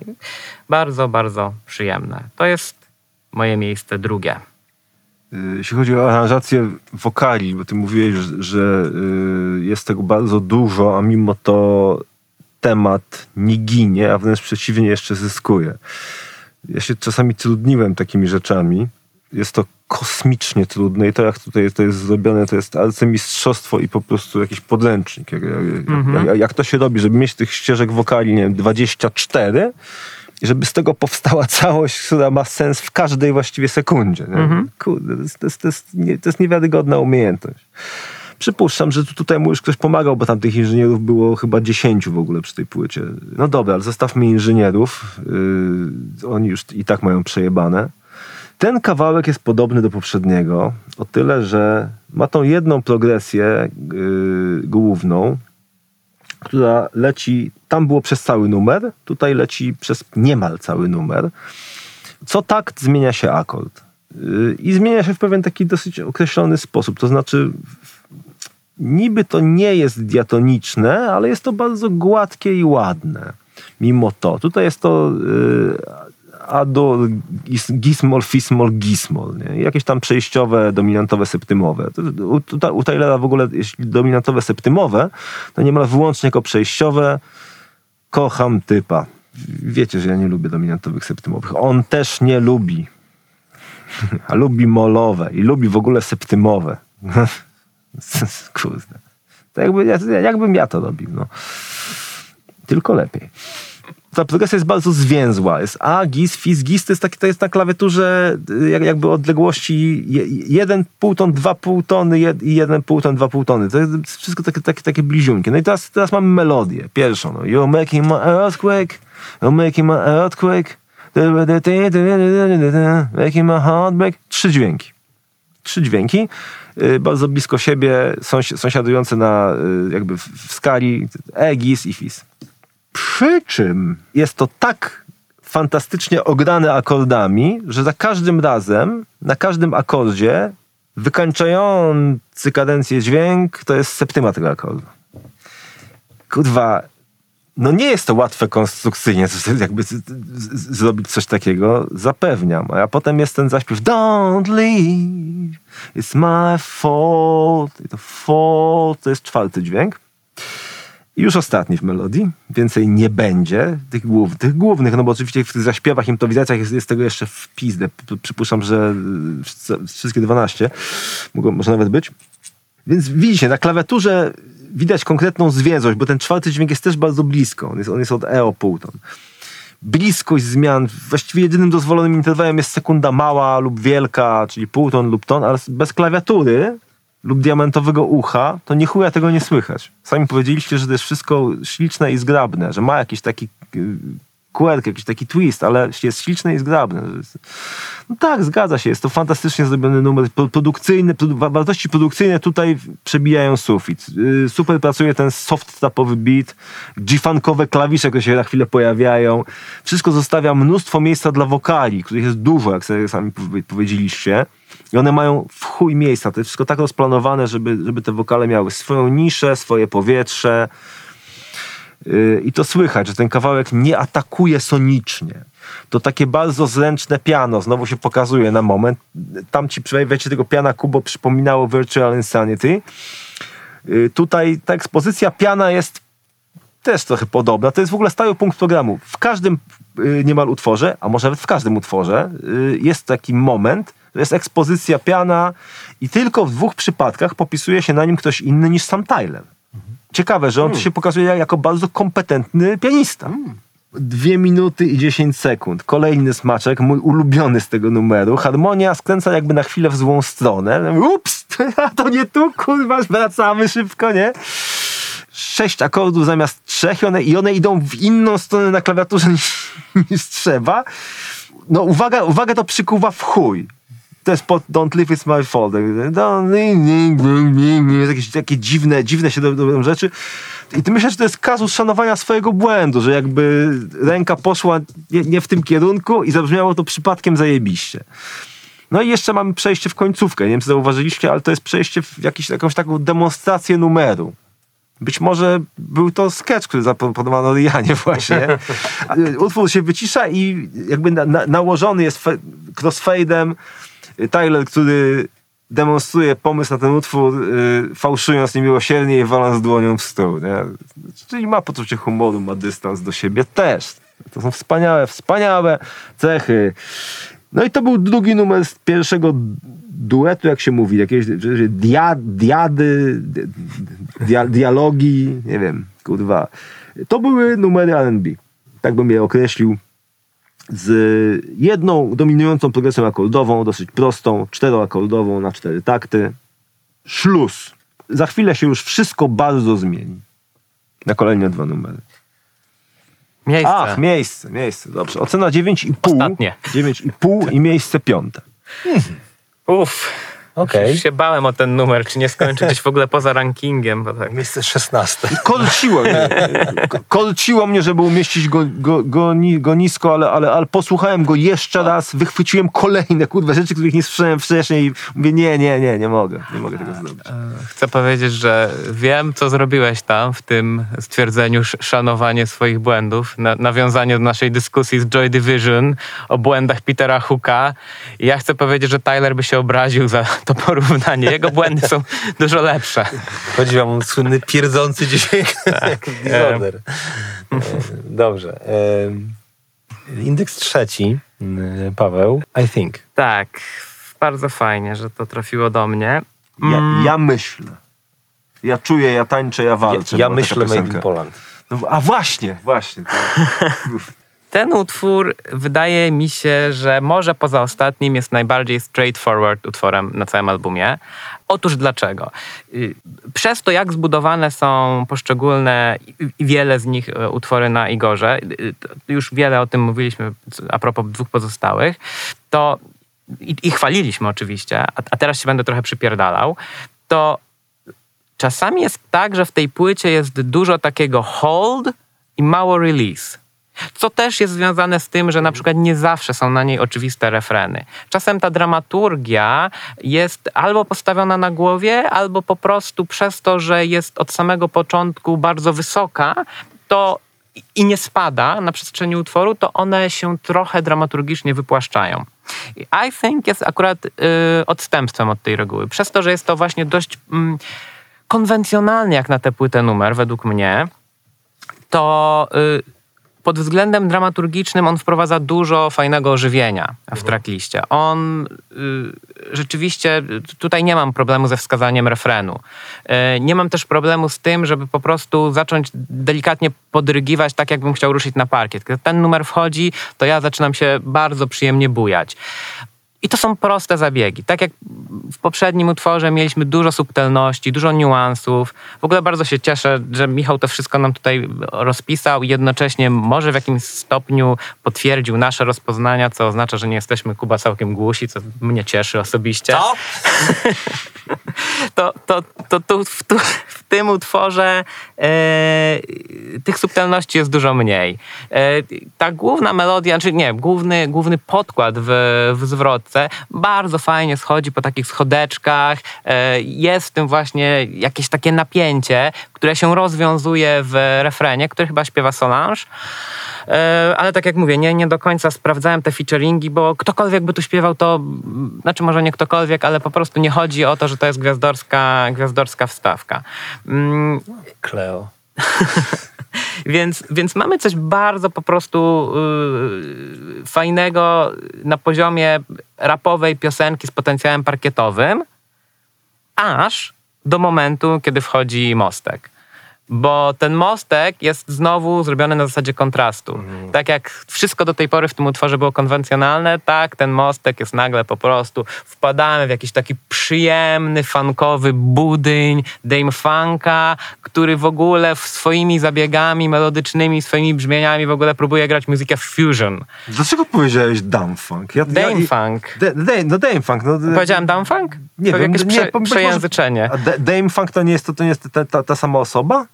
Dame Funk, osoba, czyli kto? No muzyk. No Dame Funk. No właśnie. No to ja o nim ja, mówię. Ja o nim mówię dumb funk zawsze. zawsze. A, mi się wydaje, że Dame Funk. A i, i mam go w notatkach do, do tego numeru. Ja Punk. Dlaczego? Dlaczego ja tak, sorry, dlaczego ja tak mówię?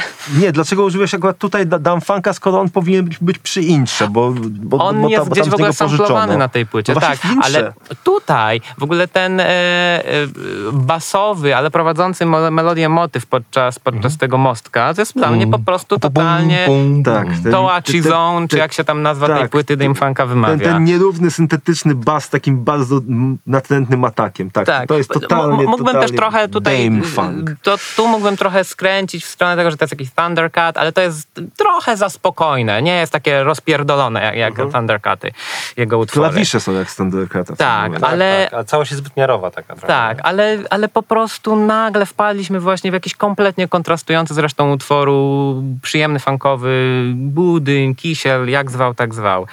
No i potem wychodzimy z tego i znowu jesteśmy w tym dramaturgicznym, takim trzymającym za gardło mo- motywie klawiszowym.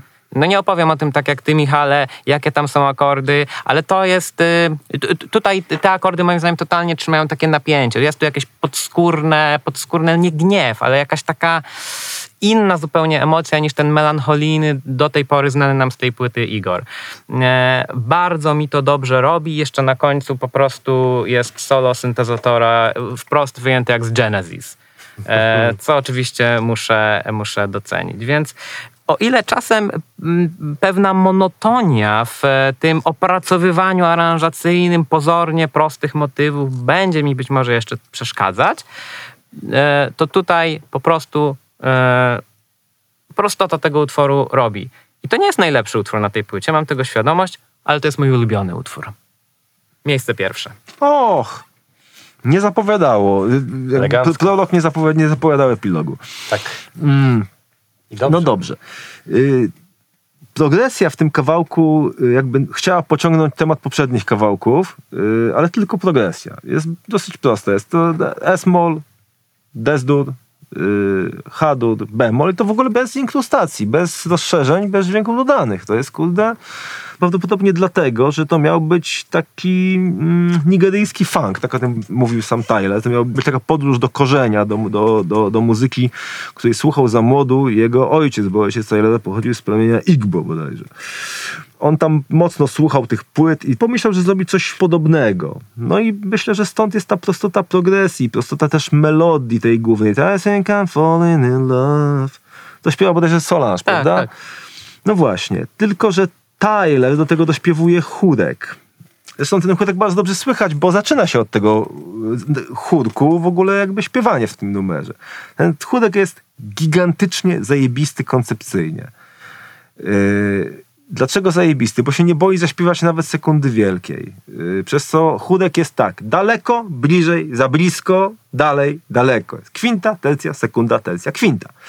Kurwa, rzadko spotyka się w, w chórkach, które robią amatorzy, bo ten facet, facet nie studiował aranżacji wokalnej. Jakby, jakby żeby zbić blisko element, elementy wokalu. Tam jeszcze dalej będzie w jednym kawałku coś jeszcze bardziej radykalnego, ale tutaj już jest taki taki hint, że kurwa, typ na każdym polu jest lepszy niż myślała większość y, słuchaczy do tej pory, mimo niewątpliwych zasług. Y, Mam takie w ogóle wrażenie, że y, ten kawałek miał właśnie być gruwowy y, i bardzo równy. I to miała być jego główna zaleta, równe czwórki. Że to jest taki ekwiwalent y, utworu King Kuntas y, z płyty To Pimp a Butterfly Kendricka Lamara. To jest też banger w podobnym miejscu płyty, także z bardzo zdyscyplinowanym pod linijkę rapem y, gospodarza. Y, Rzeczywiście mo, mo, możliwy do y, wysłania na parkiet w samobójczej misji. No tak. I wchodzi ten mostek. Wchodzi ten mostek i moja ocena skyrocketuje.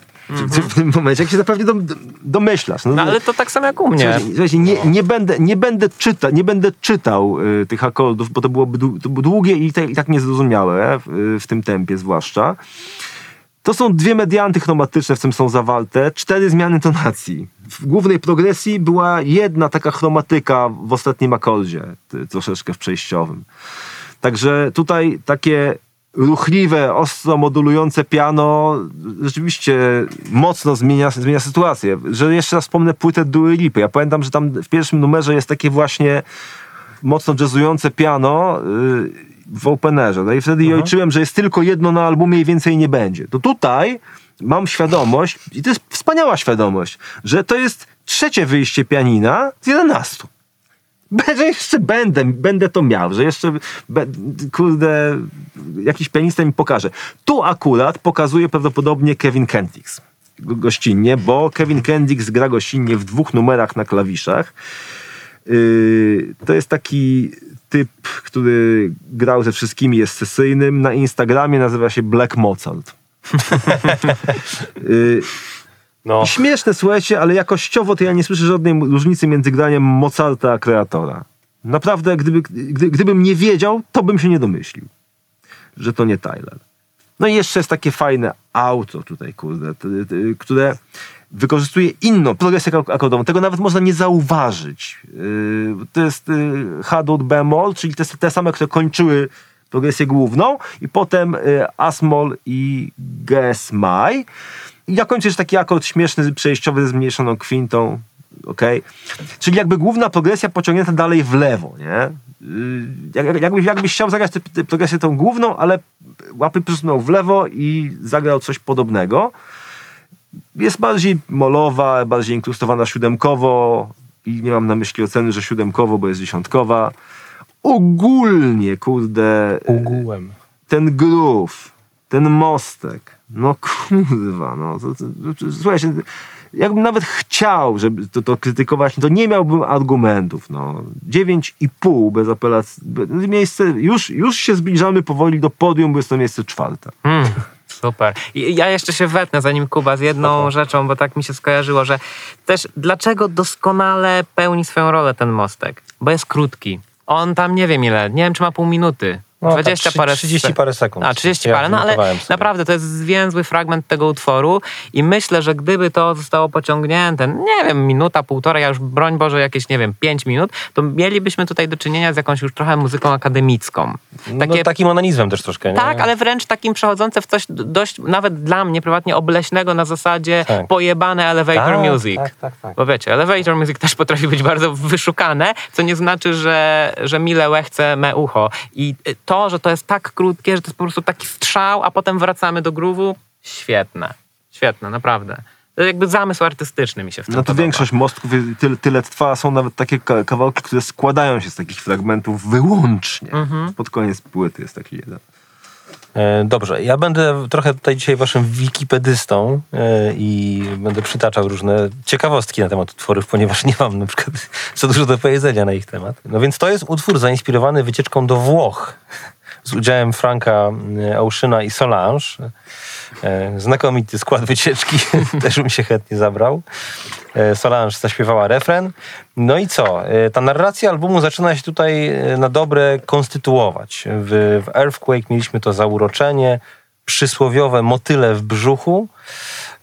Tutaj jest już jasno wypowiedziane I think I'm falling in love. No i sposób, w jaki to jest wypowiedziane, brzmi bardzo serio. Ten utwór w ogóle jest bardzo na serio. Earthquake jeszcze oczywiście też, jest, też było for real, ale jednak tam był taki element takiego troszeczkę e, takiej lekkości, takiego luzu, a tu to jest takie bardzo wszystko sztywne, nie? Napie, takie napięte. Z napięciem, no. No i, no i to podkreśla ten, y, to, tą wagę tego, tego, tego wyznania, myślę. Mm, Wszystko to rzeczywiście sunie przed siebie na kapitalnym e, bicie. E, Ta linia basu y, była porównywana do, y, do, do, do tego, jak Kanye w Stronger samplował Daft Punk, e, Harder, Better, Faster, Stronger. Można, myślę, się tego tutaj też dosłyszeć, no ale tak jak już Michale wskazywałeś, y, rdzeniem są dwa utwory afrykańskie, czyli refren samplowany z Bibiego Masela, utworu Special Lady.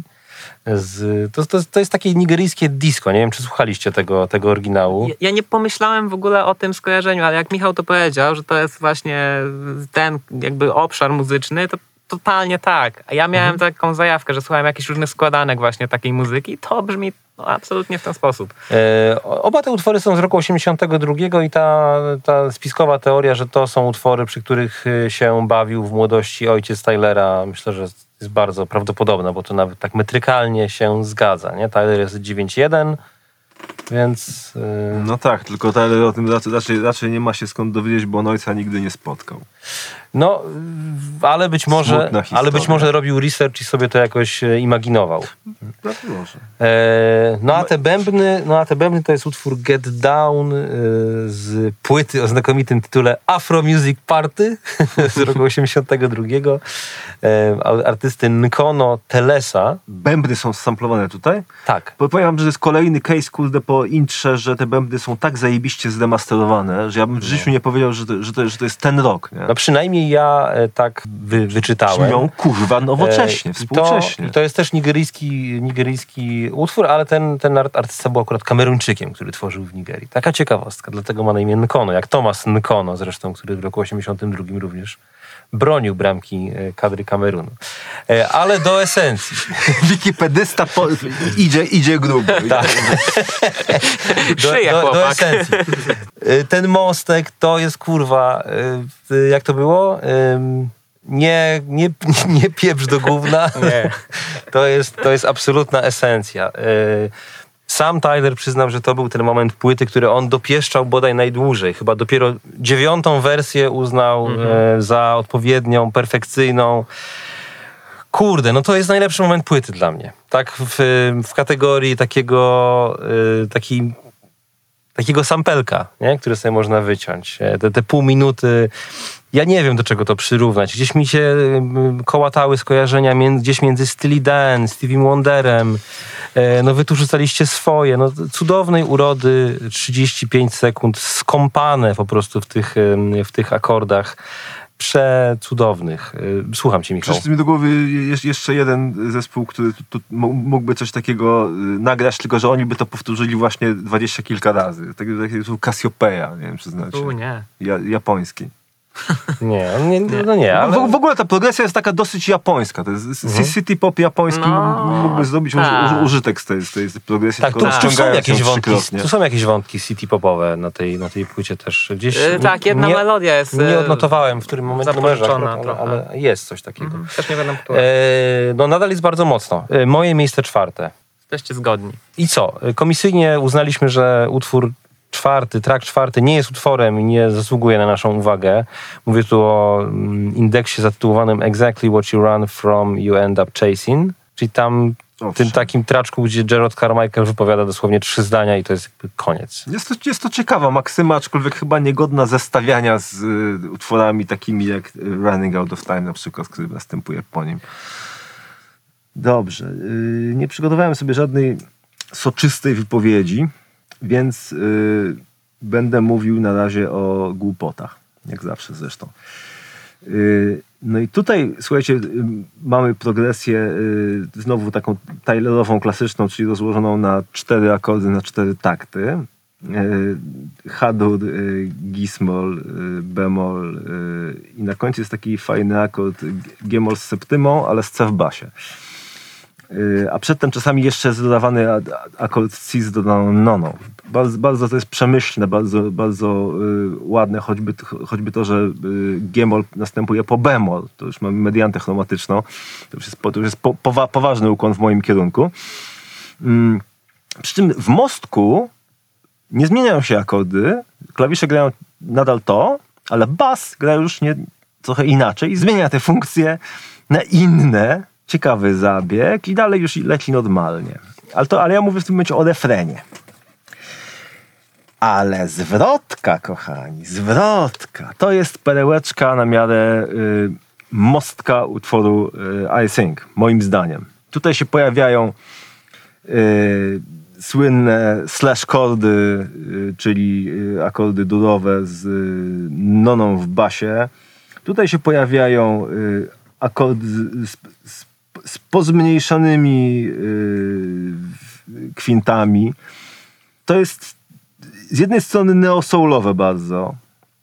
To jest najlepszy neosoul, jaki kurwa ja słyszałem od dawna.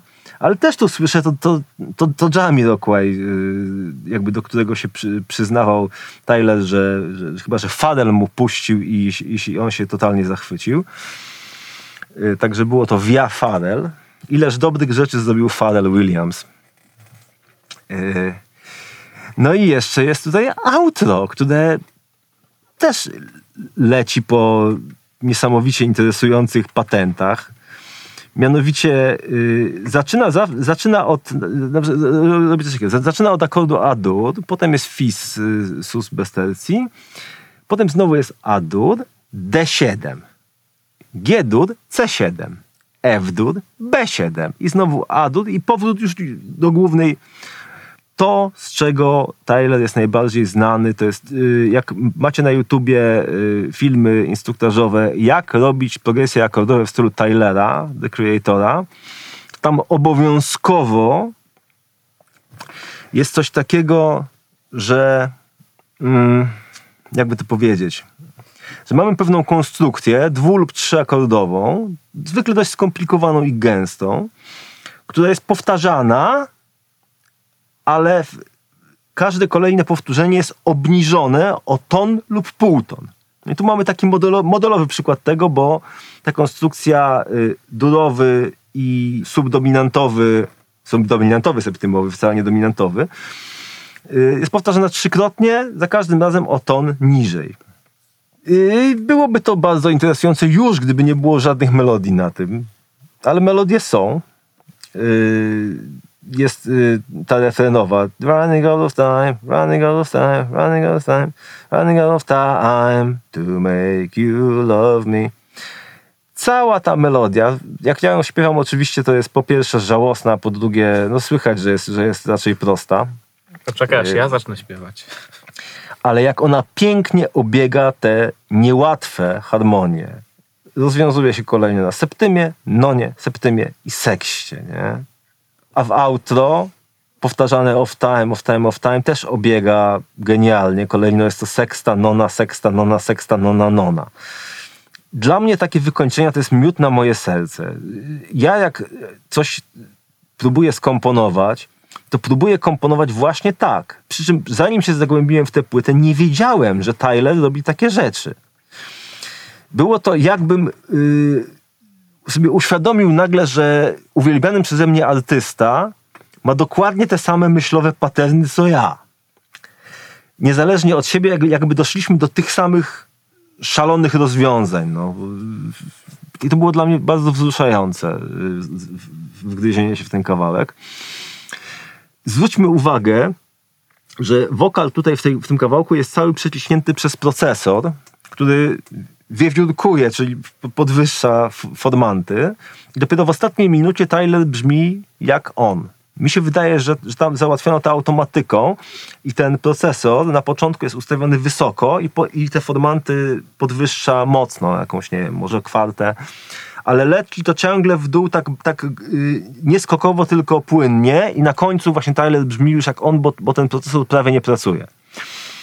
Yy, I w ogóle jak to są zrobione wokale.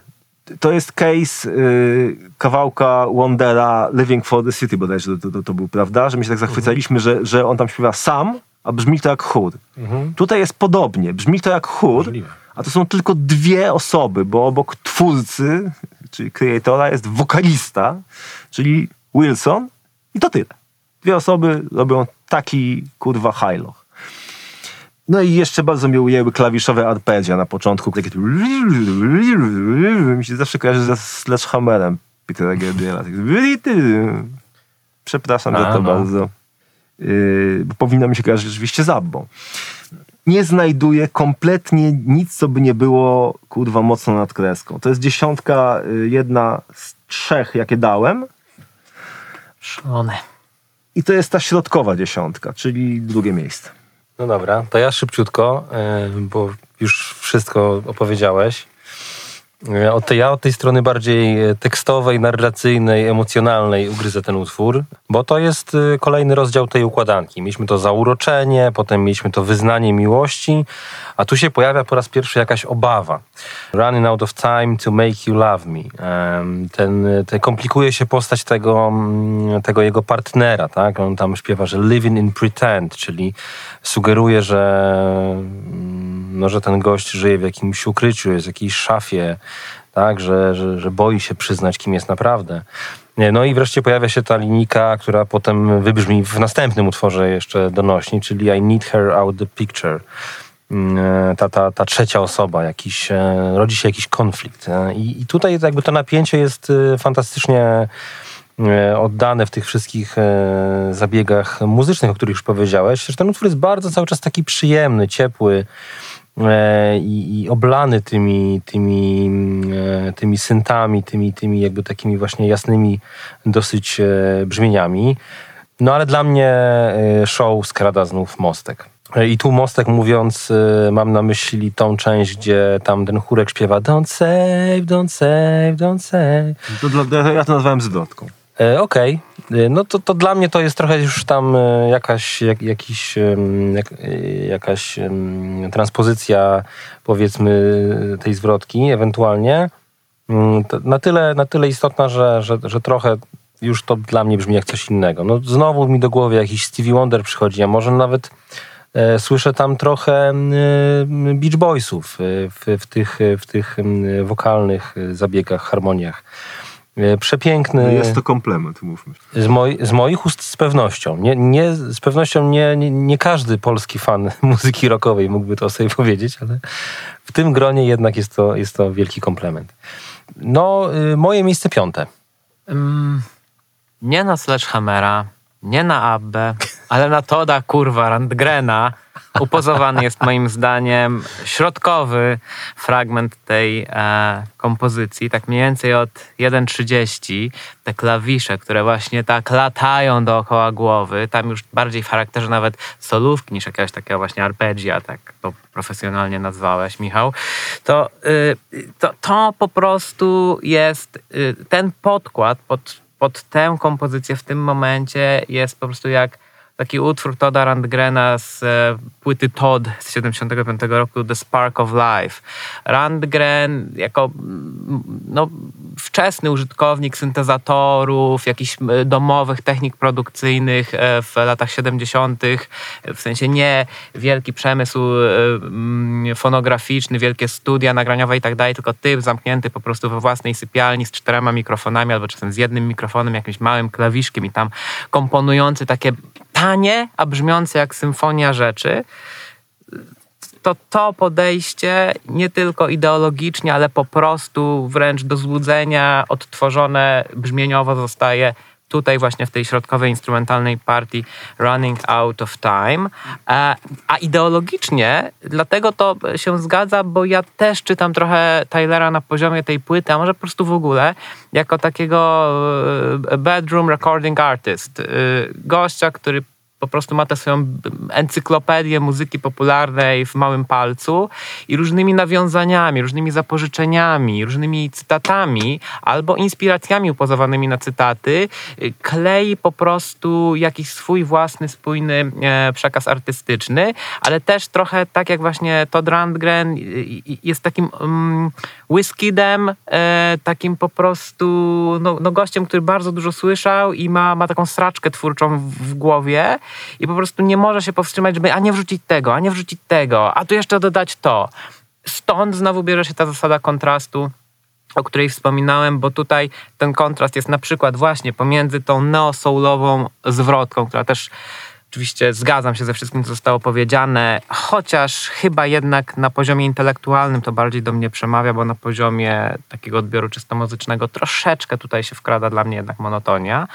Um, ale, ale też na poziomie właśnie i, i ta zwrotka jest skon, skon, skontrastowana z tym motywem instrumentalnym randgrenowskim, ale też na poziomie takich właśnie opozycji, o których mówiliśmy, brzydkie, ładne.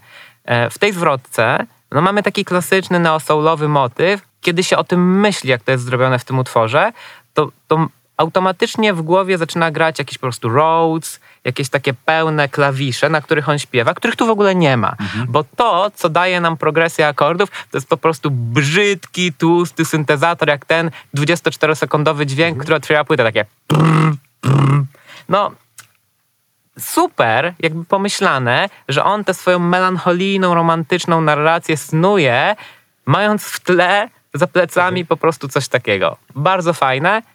Niemniej tutaj właśnie trochę zaczyna dopadać mnie e, wrażenie, e, po, po, poczucie tego, że e, to wysycanie tych wprowadzanych przez niego motywów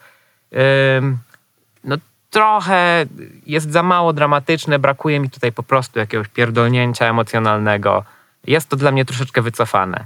Więc y, po naprawdę y, rewelacyjnych pierwszych trzech utworach, które omówiliśmy, tutaj niżej to jest moje miejsce ósme i generalnie to jest taki środek płyty, który dla mnie troszeczkę, troszeczkę będzie zamulał. No ale to jeszcze jeszcze się do tego odniosę. Ja dodam y, y, tytułem tego dwójkowego podziału płyty, że utwory I Think i Running Out of Time, jeśli chodzi o metodę kompozycji, ale nie tylko, to są dla mnie utwory neosoulowe właśnie. Jazzująco neosoulowe.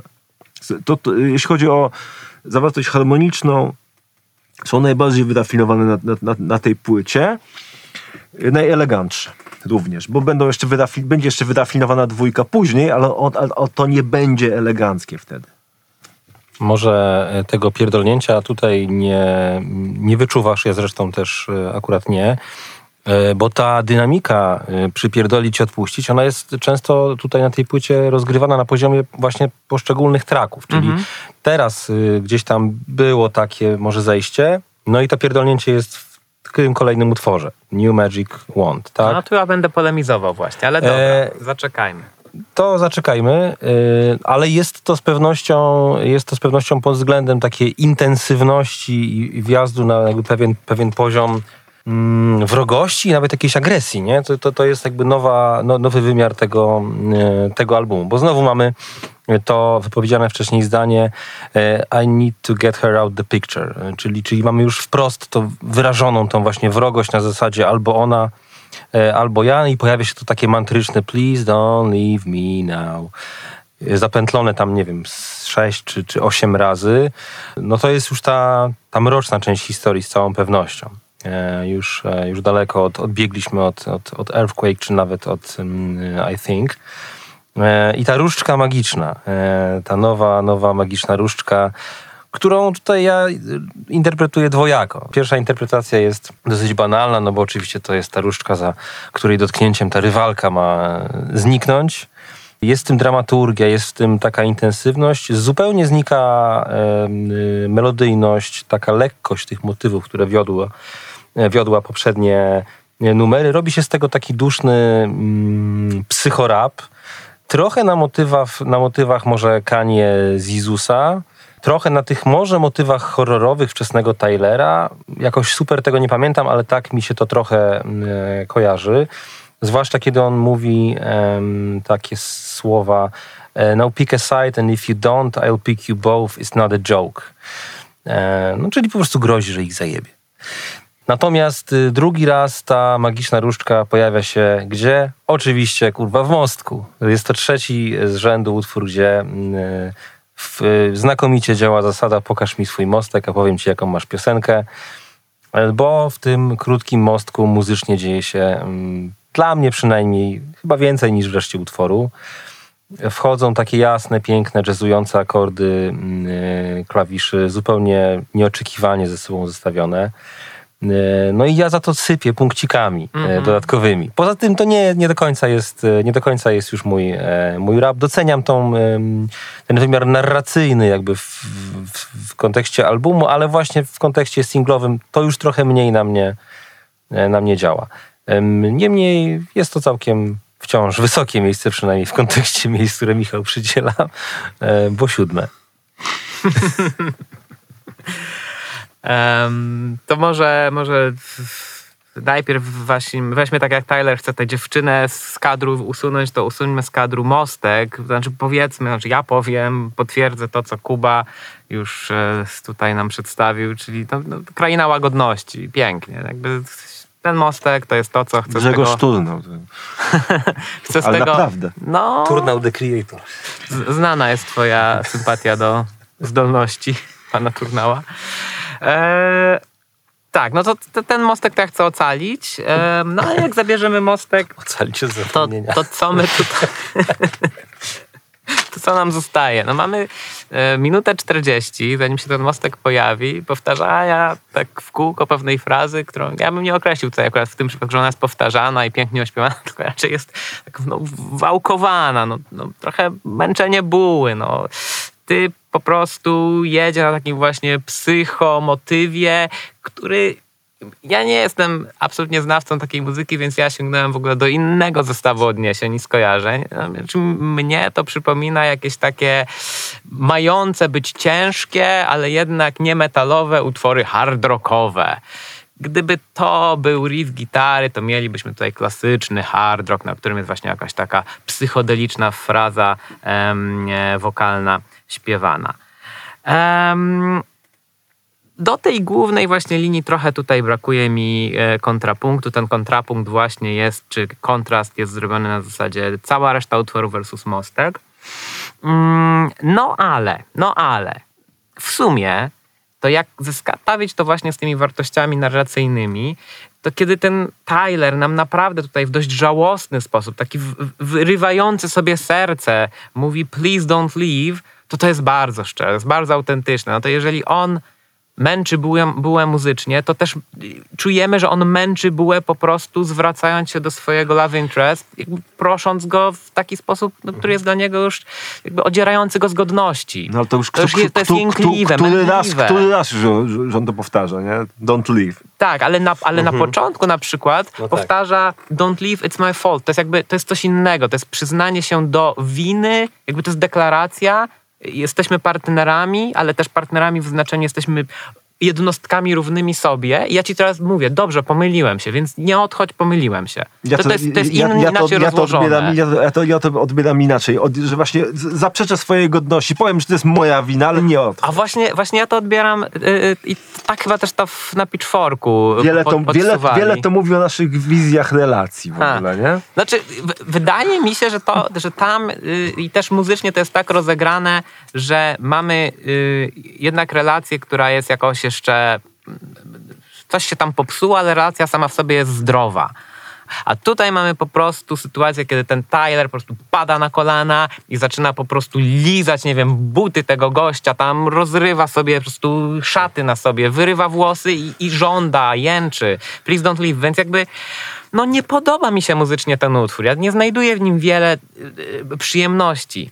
Ale zgodność tego męczącego motywu z, z, z treścią, no znowu wskazuje na, na konsekwencję artystyczną, pewien spójny za, zamysł. Więc chciałem w ogóle przez chwilę dać ten utwór na samym dnie mojej stawki, ale potem się zastanowiłem i nie, nie. To nie jest wysoko, to jest miejsce dziewiąte, ale doceniam w pewien sposób, e, co to e, robi i co to znaczy. Okej, y, ja najpierw disclaimer, że tak jak ponad pół tej płyty, y, całe to nagranie New Magic One zostało, właśnie nie wiem czy spowolnione, czy przyspieszone, staram raczej, że spowolnione i przypada między półtonami, więc, więc wszystko to, co ja mówię, jeśli używam jakichkolwiek nazw dźwięków i akordów, to zawsze jest założenie, że numer obniżamy o ćwierć ton albo podwyższamy o ćwierć ton i właśnie to, to wybierzcie sobie, bo można tak, można tak, nie wiadomo jak było oryginalnie. Ale tutaj akurat problemu nie ma, bo progresja nie istnieje. Nie ma czegoś takiego jak progresja akordowa. Jest bas. Potężny, ryczący jak odkurzacz bas, który gra dźwięki E i F. Ta, ta, ta, ta. Kurwa. Ja nienawidzę, nienawidzę czegoś takiego. W sensie, y, zróbmy groźnie, to zróbmy półton w górę. Ja pierdolę. Boże, już nawet półton w dół byłby ciekawszy. On to co prawda ogrywa, ogrywa to fajnie. Yy, dużo się w tym numerze dzieje.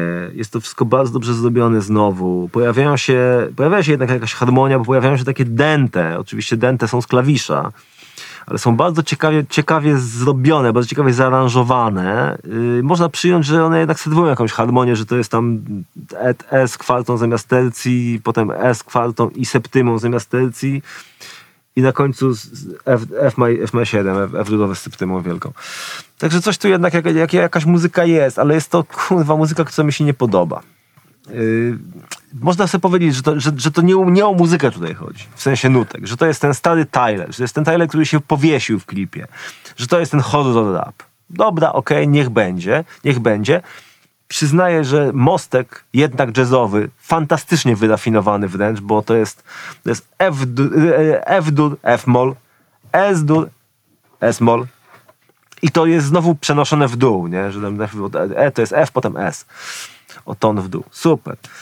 Yy, Jeszcze jest fajna taka ta, ta melodia, która jest na, na, na tym koszmarnym motywie yy, basu. Melodia jest kaleka, ale to jak ona pracuje z tym, z tym co się dzieje w po- podkładzie jest dosyć ciekawe. No bo zgodnie z maniem wyjebane y, kładzie wielką lachę w formie trytonu między melodią a basem. Y, On śpiewa H, w basie jest F. No i dobrze. No, nie- nie zupełnie tego oczekuję od mistrza, ale fajnie, że ten numer jest. Paradok- paradoksalnie jest to odpoczynek jakiś yy, dla umysłu, ale nie wybacza tego E do F. Obni- Obniżyłem ocenę o pół punktu, no i wyszło mi, że to jest 8,5 i no przykro mi miejsce ostatnie. No proszę. Ale 8,5. Ale- Także O, wiecie, no. 8,5, okej, spoko. Nie brzmiało jak Czyli 8,5 na, w na niektórych płytach, które omawialiśmy w płytkaście, byłby to numer jeden. Y, No, w pierwszej piątce by się zmieścił. Zajebiste. Eee, zaskoczyliście mnie bardzo, bo ja oceniłem ten utwór najwyżej, okazuje się, w sensie rankingu.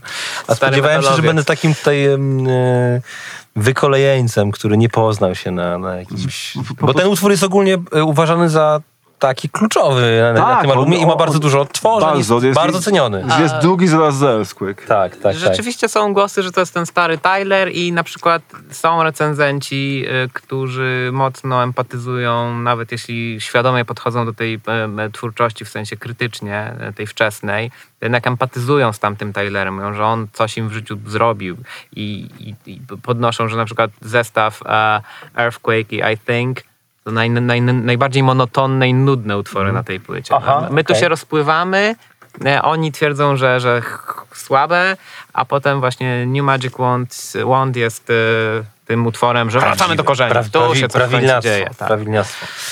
E, dobrze. E, Boy the Gun. Pawle. To ja. No, nie będę jakoś bardzo długo tutaj czasu antenowego zabierał. E, chyba to jest najbardziej klasycznie rapowy numer na tej płycie.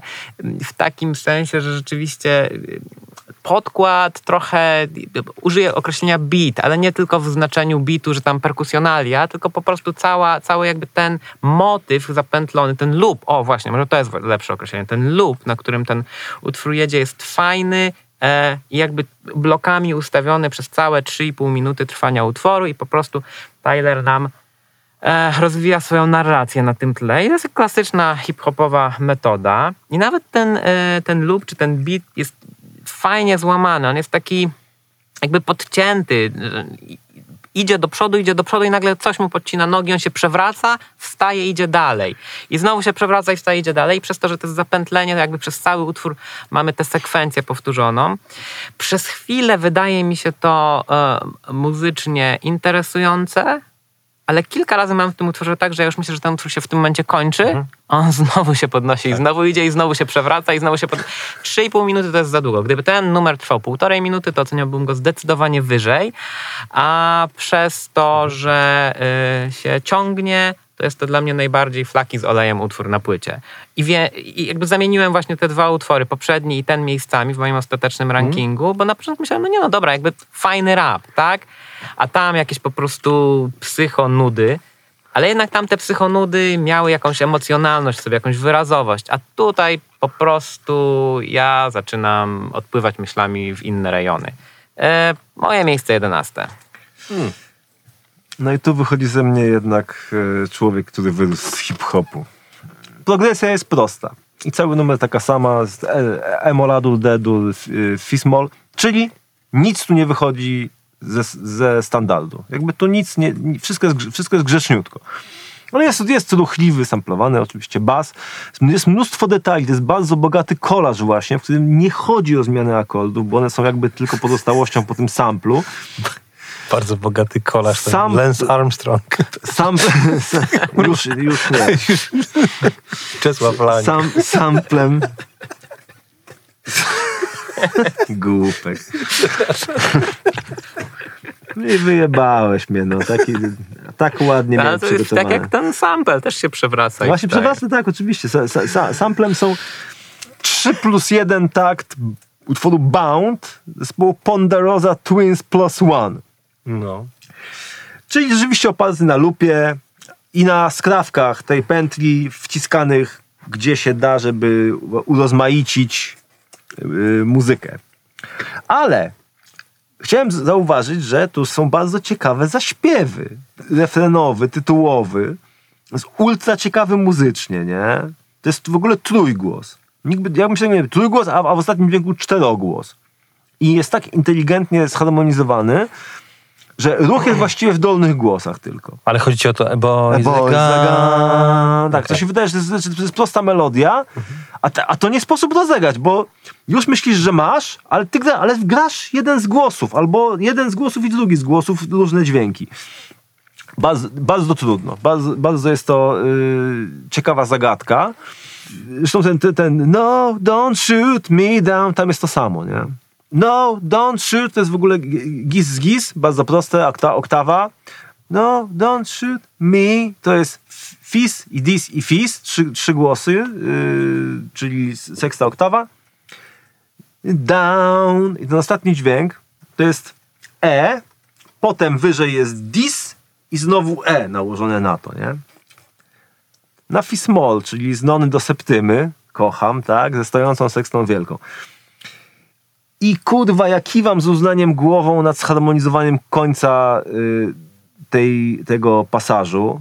Septymą wielką plus oktawą, bo to tworzy takie współbrzmienie już nie całotonowe, ale półtonowe, kurwa. No słuchajcie, no to, to jest już bardzo, bardzo grubo, że to pasuje, że, że ten pieprz do gówna, że, że, że, ta papryczka chili wpierdolona w, w, w ten często powtarzany motyw w ogóle nie razi, nie? Poza tym tutaj konstrukcja mi się bardzo podoba. Jak, jak słuchałem tej płyty pierwszy raz, to, to miałem coś takiego, że, pierwsze, że, że pierwsza połowa płyty do, do, tego kawałka wydawała mi się jednym wielkim potokiem strumieniem świadomości. Yy, nic, mi nie, nic mnie nie zahaczyło. Czekałem na numer, czekałem na piosenkę. I tutaj ją w końcu kurwa dostałem. I to, że ona, i to, że ona miała 3,5 minuty, działało tylko na jej korzyść i, na, i nadal działa na jej korzyść. Jest tak długa, że ja tu słyszę typową piosenkę Kuba Ambrożewski, Zwrotki i refreny Dobranoc. A, Yy, no i doskonale ulokowany na trackliście jako tak zwany centerpiece. Po- Ponadto jest ważny pod kątem przekazu lirycznego, bo to jest yy, połowa albumu, bo podmiot w tym momencie odchodzi z relacji w tym kawałku i, za, i za, potem już zaczyna radzenie sobie z odejściem z tej relacji, nie? No ale i muzycznie, bo jak mówisz, powiedziałem, pierwsze dwa numery to R&B, kolejne dwa to jazzujący neo soul, a, te, osta- a te, te ostatnie dwa, no to już jeszcze nie czysty, ale ewidentny hip-hop, nie? Także co nas czeka dalej? Kurwa, no. Spoiler, jeszcze jedna dwójka, a potem nie będę widział schematu.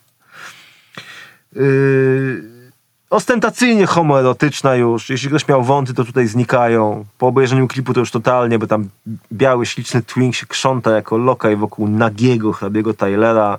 Tyler ma fryz, który potem pożyczył Ralf Kamiński. Yy, do dzisiaj mnie ten kawałek porusza w chuj i w ten sposób pierwszy, drugi raz mamy taką sytuację, że ktoś daje na O. ostatnim, a potem ktoś daje na pierwszym.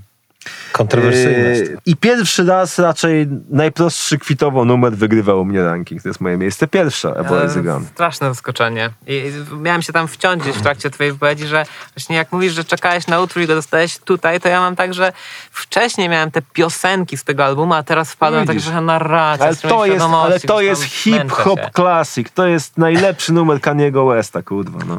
Kur... Zmarnowałeś, Michale, e, znakomitą okazję, żeby powiedzieć, że lubisz te hot dogi, e, ale ja powiem, że ja tak samo jak ty również je lubię, e, w przeciwieństwie do Pawła. A to nie były parówki, to były hot dogi, tak? Parówki, hot dogi. No, No wiesz, nie, wiesz. nie wiem, ja jednak widzę jakąś różnicę. No dobrze, z parówką w dupie. E, Tyler, e, Tyler e, e, tak, dalej tęskni za starym Kanie, cytując wieszcza. E, też m, mamy tutaj nieprzypadkowy na pewno sample z, z Bound, który jak wiadomo Kanie wykorzystał w wielkim swoim hicie, closerze płyty. Izas. No i razem z tym samplem wraca takie ciepełko muzyczne, które zniknęło w utworze poprzednim i to tak zniknęło dość radykalnie. A tu mam wrażenie takiego otulenia mnie przez, przez tą no właśnie taką rapową aranżację opartą na bardzo mm, dużej liczbie, takim prysznicu pięknych, ciepłych e, sampli, brzmień. No, wspaniałe to jest. Mam wrażenie pewnej takiej psychodeliczności w ogóle tego. W sensie słucham tego trochę jak takiego też kwaśnego, y, popowego utworu po prostu sprzed 50 lat. Jest tym taka jakaś kalejdoskopowa aranżacja, w której wszystko wiruje i właśnie otula mnie e, no, w, dosyć, w dosyć magiczny sposób. Ale nie tekstowo, bo przekaz jest y, rzeczywiście znów y, negatywny. Otóż y, z miłością nie ma żartów. Miłość rani jak pistolet. E, miłość oczywiście do chłopaka w tym przypadku, chociaż jest to chyba nawiązanie tekstowo do mm, A Girl is a Gun. To, to nie pamiętam, to jest jakieś, e, jakieś filmowe nawiązanie chyba. Może, może odnotowaliście. A może nie. E, No i jeszcze taki smaczek, chory absolutnie pomysł, że pod tym, pod tym właśnie takim showerem e, tych, tych ciepłych, takich rozlewających się brzmień słychać serię z karabiny maszynowego. Nie wiem, czy to wychwyciliście. Stay the fuck away from me. W tym momencie zaczyna mówić. A propos kontrastów, tak? No, Ach, to mówisz o tym takim No. tak? A, tak, tak, tak. pojebane. Tak, to jest mocne. Pojebane. Idealnie jestem między wami. Przechodniem byłem jeszcze, między Nie wiem wami. jeszcze, co o tym sądzisz, że się uplacowałem między wami. Jest to moje miejsce szóste. Mhm. Skrzętnie to odnotowuję. Skrzętnie, bardzo ładne I przed słowo. nami kolejny obieg, e, bo mamy utwór Puppet. Puppet. Dobra. Y, Słuchajcie, no tutaj mieliśmy takie, takie kawałki, że jakby y, kontrastowo była progresja prostsza i progresja straszliwie skomplikowana. y, Były numery, gdzie progresja była po, po, prostu, po prostu prosta. Takie, które, które była po prostu, po prostu skomplikowana. A tutaj mamy taki case, że mamy ciekawą progresję, bardzo chromatyczną i w zasadzie to ona jest jedna i ta sama przez cały kawałek, ale nie. to znaczy, opiera się na, na podobnym schemacie, ale się zmienia, bo y, w zwrotce, w zwrotce y, no jest to tam, powiedzmy, że Edur z A w basie, Gismol i Hamol z G w basie, czyli właściwie G-dur.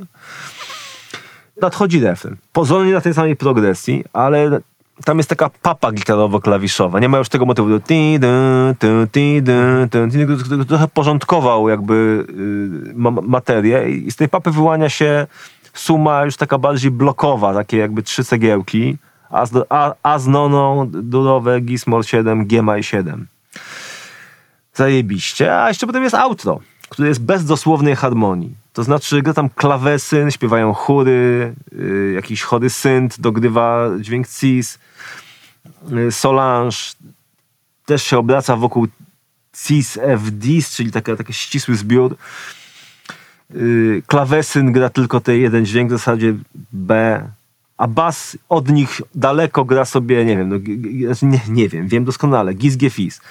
Czyli dokładnie to, co grał wcześniej, tylko o pół ton w dół. Yy, na upartego GIS sus 2, G zmniejszone, FIS zwykłe. Więc główna progresja przemaglowana pół ton. Niżej ciągle jest tak budowane napięcie. Najpierw mamy akord taki rozciapany, konsonansowy, potem zwarty, jakby dysonujący, ściskamy dupę, a potem rozwiązanie na podobnym do tego dysonującego ładnym akordem durowym. Znowu ją rozluźniamy. Także mamy, tak, mam, mam, mamy taki niepokój w dupie, ściśnięcie dupy, rozluźnienie dupy.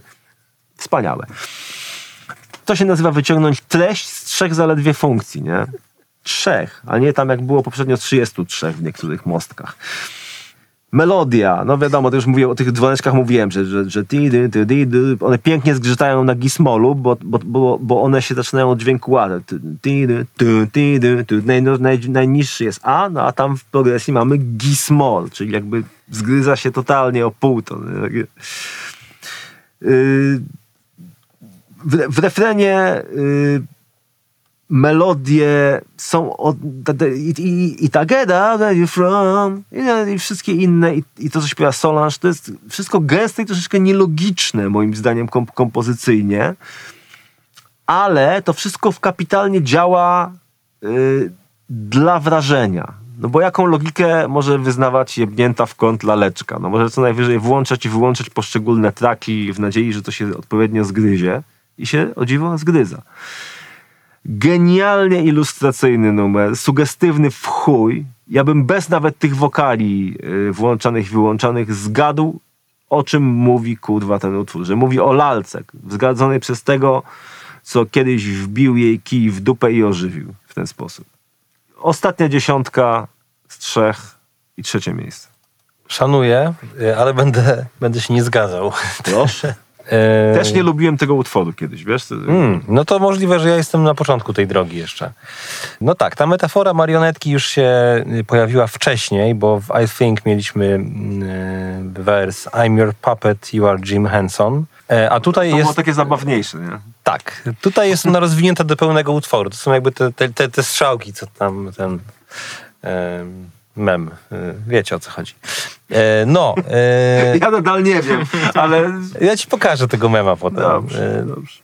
jakbym się miał na siłę czepiać, miałem tego nie robić, ale już żeby było ciekawiej, to kurczę, w tym utworze trochę się robi dla mnie tak musicalowo, trochę teatralnie. Może to jest ta ilustracyjność, ale mam wrażenie, że to jest bardziej muzyka dopisana do tekstu i do fragmentu jakby literackiego, który ma coś opowiadać, niż odwrotnie. Ja tego nie czuję niestety wszystkiego, o czym ty powiedziałeś, a ten y, quasi-refren, y, powiedzmy, gdzie on tam śpiewa I'm your puppet, you control me, y, to jest jakieś takie dla mnie jednak ostatecznie bez wyrazu. Jezu, dla mnie to bez- jest piękne. To, to jak, bez, jaki on tam jest e, bezsilny w tym, kurde. Ja wiem, że pewnie to takie miało być, ale mnie to też zobojętnia i, i mi tu brakuje trochę tej esencji muzycznej. Ja nie, nie słyszę tego, co ty. Jestem jednak głuchy. No ja też nie słyszałem do przedwczoraj, wiesz. Okej. Ale na, na, y, na obronę tego utworu muszę powiedzieć, że tak, że ta tkanka brzmieniowa Papet jest bardzo ciekawa, bo to wszystko jest rozpięte od tych faktycznie super takich zharmonizowanych piętrowych chórków, y, tych soulowych y, sampli, jakichś takich klawesynopodobnych klawiszy. Co, co, co No to jest po prostu klaweta, czy tak, to, to, to, to miało udawać klawesy. No. to przypuszczam, że to jest, że to jest E. po prostu Yamaha DX7. Okej. E, Potem e, właśnie głęboki znowu s- synt, e, bas, czy bardzo dziwny element w postaci takiego totalnie fałszującego syntu na 2.30 coś, co tak, tak, się, tak się rozjeżdża przez moment, tak jest kom, kom, tak, tak, tak. O, o, jakby o, ktoś nie umiał grać albo właśnie pomylił się i On gra to cis, ale to, ale, ale, używa, ale, tak, ale używa mocno te, te, tego, tego. Jak, się, jak to się nazywa to pod lewą ręką? Jezu, jak ja mam dzisiaj zaćmę. Pitch bendu. e, to mnie, to mnie śmieszy rzeczywiście, ale cała reszta e, muszę powiedzieć, że, że, że tutaj trochę tu trochę jestem, jestem rozczarowany. I to jest, e, to jest moje jedenaste ostatnie w rankingu Oj, miejsce. oj, ale się nam zrobiły amplitudy, kurwa, że teraz nagle. Robi się nieprzyjemnie. Nie, ależ, dlaczego? ależ nie, właśnie Jezu. bardzo przyjemnie. Mnie się ta marionetka kojarzy, owszem, bardzo ilustracyjnie, ale nie z musicalem i nie z, nie z teatrem, tylko z soundtrackami do takich 60sowych filmów, któ- do których muzykę mógł robić czy to Henry Mancini, czy John Barry. I, nawet konkretnie y, pierwsze moje skojarzenie tego no, muzyczne przy tym utworze to było, był temat z y, Nocnego Kowboja. e, Midnight Cowboy, więc y, Johna Barrego, więc no to jest fajny pomost, który Tyler rozpina między muzyką, no już powiedzmy archaiczną, dawną, a, a współczesną i niekoniecznie z, jest to pomost, który sięga do tradycji R&B, czy po prostu czarnej muzyki, rytm bluesowej, bo to, że artysta hip-hopowy będzie czerpał z, z tego źródełka jest jakby oczywistością. A tutaj e, ten utwór rzeczywiście e, otwiera w tej płycie kolejny wątek narracyjny, muzyczny, em, bo mam takie wrażenie, że w tym utworze i jeszcze w jednym, który przed nami, ale nie zdradzę jeszcze, o który mi chodzi, to, to można w ogóle przeprowadzić taką linię e, genealogiczną pomiędzy Igorem, a powiedzmy e, post znaczy neo-sixtisowymi, barokowymi, popowymi melodiami Flaming Lips na The Soft Bulletin, a wspomnianymi już Beach Boysami na przykład. I pewna emocjonalna szczerość tamtej starej muzyki. No, Nocny Cowboy to jest oczywiście klasyk e, e, kina e, traktującego właśnie o e, tematyce queerowej. Więc jeśli Tyler mógł tutaj nawiązać, to jest to nawiązanie nieprzypadkowe według mnie. Em, Więc ten pomost bardzo mi gdzieś tam mentalnie robi. To jest po prostu dla mnie ładne. Ta ilustracja od razu odpala mi w głowie napisy końcowe do dobrego filmu, który obejrzałem, a przecież jeszcze nie dojechaliśmy do końca. Więc pod względem muzycznym tutaj akurat e, pewna powtarzalność melodyczna mi nie wadzi, tak jak wadziła mi w utworze poprzednim. E, może dlatego, że on też fajnie czasami jest tak podszyty pewnym nerwem, kiedy mamy tam takie jakby w taką miłą, tęskną, melancholijną tkankę y, muzyczną wbija się coś takiego brutalnego, takie super. Też y, trzecia zwrotka, gdzie wchodzi Kanye y, i brzmi absolutnie inaczej niż, e, niż Tyler i tak z dupy brzmi. W sumie trochę nie wiadomo po co on tam został dodany i dlaczego to jest akurat Kanye, to mógłby znowu być ktoś zupełnie inny, ale, ale właśnie na zasadzie kontrastu z tą melancholią utworu y, y, to fajnie działa. Jeszcze kolejne odniesienie to jest y, pewna fascynacja Tylera filmem, jak już jesteśmy przy tematach filmowych, Call Me By Your Name, bo on go i namecheckuje, w, Tak. czy tam bohaterów namecheckuje, czy nawiązuje do tytułu w swoich tekstach. E, I to jest troszkę tak, że y, muzycznie, nastrojowo to ta marionetka, ten puppet przenosi mnie do jakiejś Toskanii po prostu i tam razem z Solange, Tylerem i Kim Frankiem Oceanem, Oceanem. tak, wyleguje się nad tym jeziorem Como i pozwalam, by słońce pieściło me nagie ciało. No super. Słońce? Słońce. Fale. Słońce to fale. A, bo miałem powiedzieć No. miejsce. Piąte. By się Właśnie ja się nie mogłem doczekać. Piąte miejsce. Ach, ach, ach. To, to teraz sprawdźmy what's good. To jest dobre pytanie. What's good? What's good, and what's not. To tak, po dwóch takich y, wolniejszych numerach e, wracamy y, znowu dość y, tak radykalnie do takiego paranoicznego, modernistycznego mm, numeru ekspresji. E, gęsto utkany beat, jakby taki trochę asymetryczny, nieregularny, przesterowane basy i właściwie jeden długi potok słów. Tylera wspomaga tutaj jeszcze na tym etapie chyba dobrze rokujący yy, slow tie, a więc mamy akcent brytyjski wśród, yy, wśród gości. Chyba on w tym samym roku chyba wydał swój yy, debiutancki album, więc chyba jeszcze nie był jakiś super, super znany, przynajmniej nie tak jak później. Em, Tak jak Kanie myślałem, powiesz. nie tak, no tak jak Kanie też, też nie był. Ten Kanie znowu się tutaj e, pojawia, o, o tym za, za, za sekundę. Znów jest ten mostek z takimi jasnymi sofisti klawiszkami. Nawet przez chwilę wydawało mi się, że to jest ten sam mostek, co w New Magic Wand. Ale jednak nie, chociaż jest w tym coś podobnego. E, Do końca nie potrafię tego nazwać, ale, ale gdzieś, gdzieś e, coś e, bliźniaczego wyczuwam. Trochę trudniej tutaj jest tak na pierwszy rzut ucha wskazać, jak ten utwór jest e, powiązany z, e, z konceptem e, Igora, ale jest to w tej narracji jakiś taki moment odzyskania podmiotowości przez, przez naszego bohatera, bo jeszcze w poprzednim numerze on był tą marionetką, był, był, był puppet. E, Tutaj już e, staje na własnych nogach i jest ten numer taką demonstracją ego. E, Takim, e, takim właśnie manifestem tej, tej podmiotowości. E, Dużo tutaj wyczuwam e, wpływu e, właśnie Kanye z, z, albumu Izas znowu. Mm, Są nawet bezpośrednie nawiązania w tekście do New Slaves i chyba tak jak tego Kanye tutaj przywołujemy co moment od, od paru ładnych numerów, to wydaje się, że on jednak jest y, główną albo jedną z najważniejszych inspiracji dla, dla tego mm, materiału. Ja, ma, ja mam ważniejszą jeszcze do, do, do, do powiedzenia. To, to przy kolejnym kawałku. Dobrze, dobrze. Yy, No i tak, no i te ostatnie słowa w, w numerze, czyli I don't know what's harder, letting go or just being okay with it, yy, no wskazują, że ta relacja tutaj już definitywnie się rozpadła, co zresztą potwierdza ten e, cały numer e, swoim, swoim całym e, istnieniem i zawartością. E, Natomiast e, muszę powiedzieć, że tak pod względem moich wrażeń, moich preferencji, to to jest ten moment, ten poprzedni track i ten, gdzie ta płyta troszeczkę dla mnie może nie grzęźnie, ale jakby mm, no, przestaje mnie na chwilę tak mocno angażować. E, I to jest, to jest też dosyć niski rating, e, miejsce dziesiąte u mnie. To tak jak y, ciebie teraz gdzieś tam mielizna wciąga, to ja z mielizny wychodzę. Już po ostatnim Boys Gun przez Puppet, którym już tak wyciągnęło, to What's Good, no tak, dużo dobrego tutaj.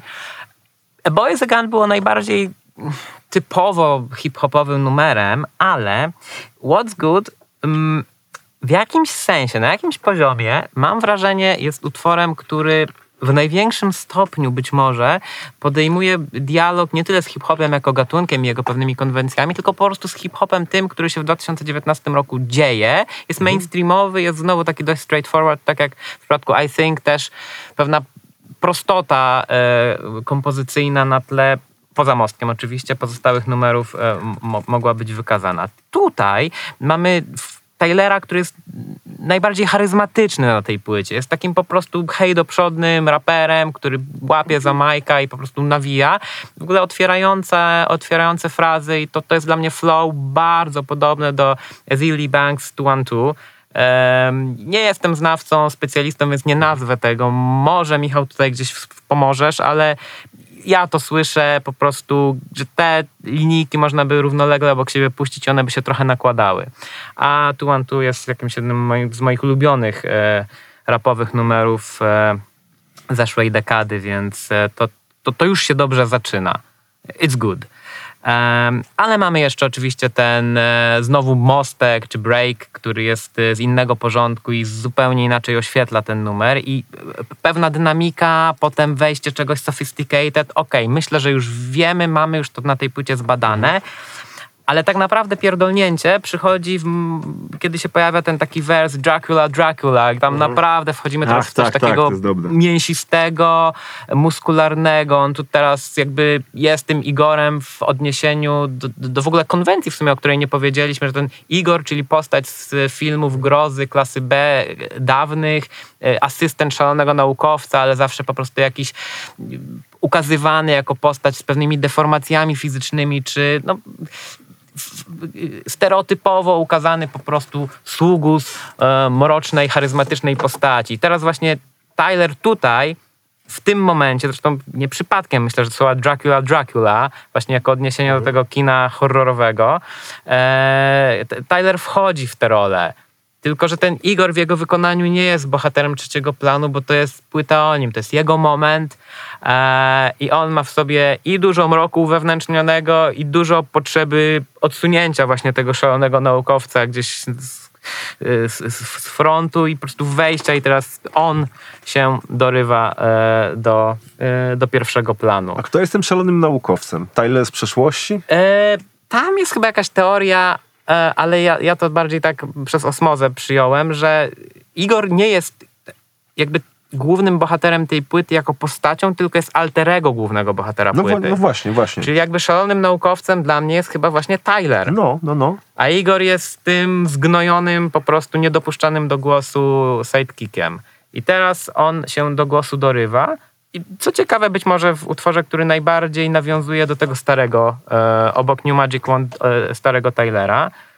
Mm, na Flower Boyu był utwór o, o dość podobnej wyrazowości Who That Boy. E, W ogóle tutaj rap jest tak mo- mo- mocno jak z, z pierwszych kilku numerów Flower Boya, nie? Jakby tak, tak, jest, taki, jest taki mocniejszy. Mhm. Ale y, znaczy ja nie jestem jakimś naprawdę tutaj wielkim znawcą tego współczesnego rapu. W pewnym momencie zupełnie wypadłem z obiegu i mój główny punkt dojścia jest taki, że spotykam się z, z, z przyjaciółmi takiej grupce, gdzie e, pijemy piwko, e, gramy w FIFA i zawsze leci hip-hop, bo chłopaki, którzy mają konsolę, ja nie posiadam, zawsze decydują o tym, jaka leci muzyka. I oni są fanatykami rapsów i po prostu absolutnie słuchają wszystkiego, co wychodzi w amerykańskim rapie. Naprawdę po prostu tysiące utworów e, rocznie, premier, w sensie premierowych utworów. I tam jak tego doświadczam, to mam ten przemiał, dotykam gdzieś tam tego właśnie tej tkanki współczesnego rapu i, wydaje mi się, że 2019 rok to pewne rzeczy tak właśnie brzmiały, jak brzmią te momenty e, najbardziej harde w, w What's Good. Tutaj zapisałem sobie, że Freddie Gibbs, The Wait na przykład, to jest gdzieś coś, coś takiego. Znowu podoba mi się bardzo utwór, który jest dużo bardziej konwencjonalny niż e, średnia z tej płyty, no ale cóż zrobić. What's Good, miejsce trzecie.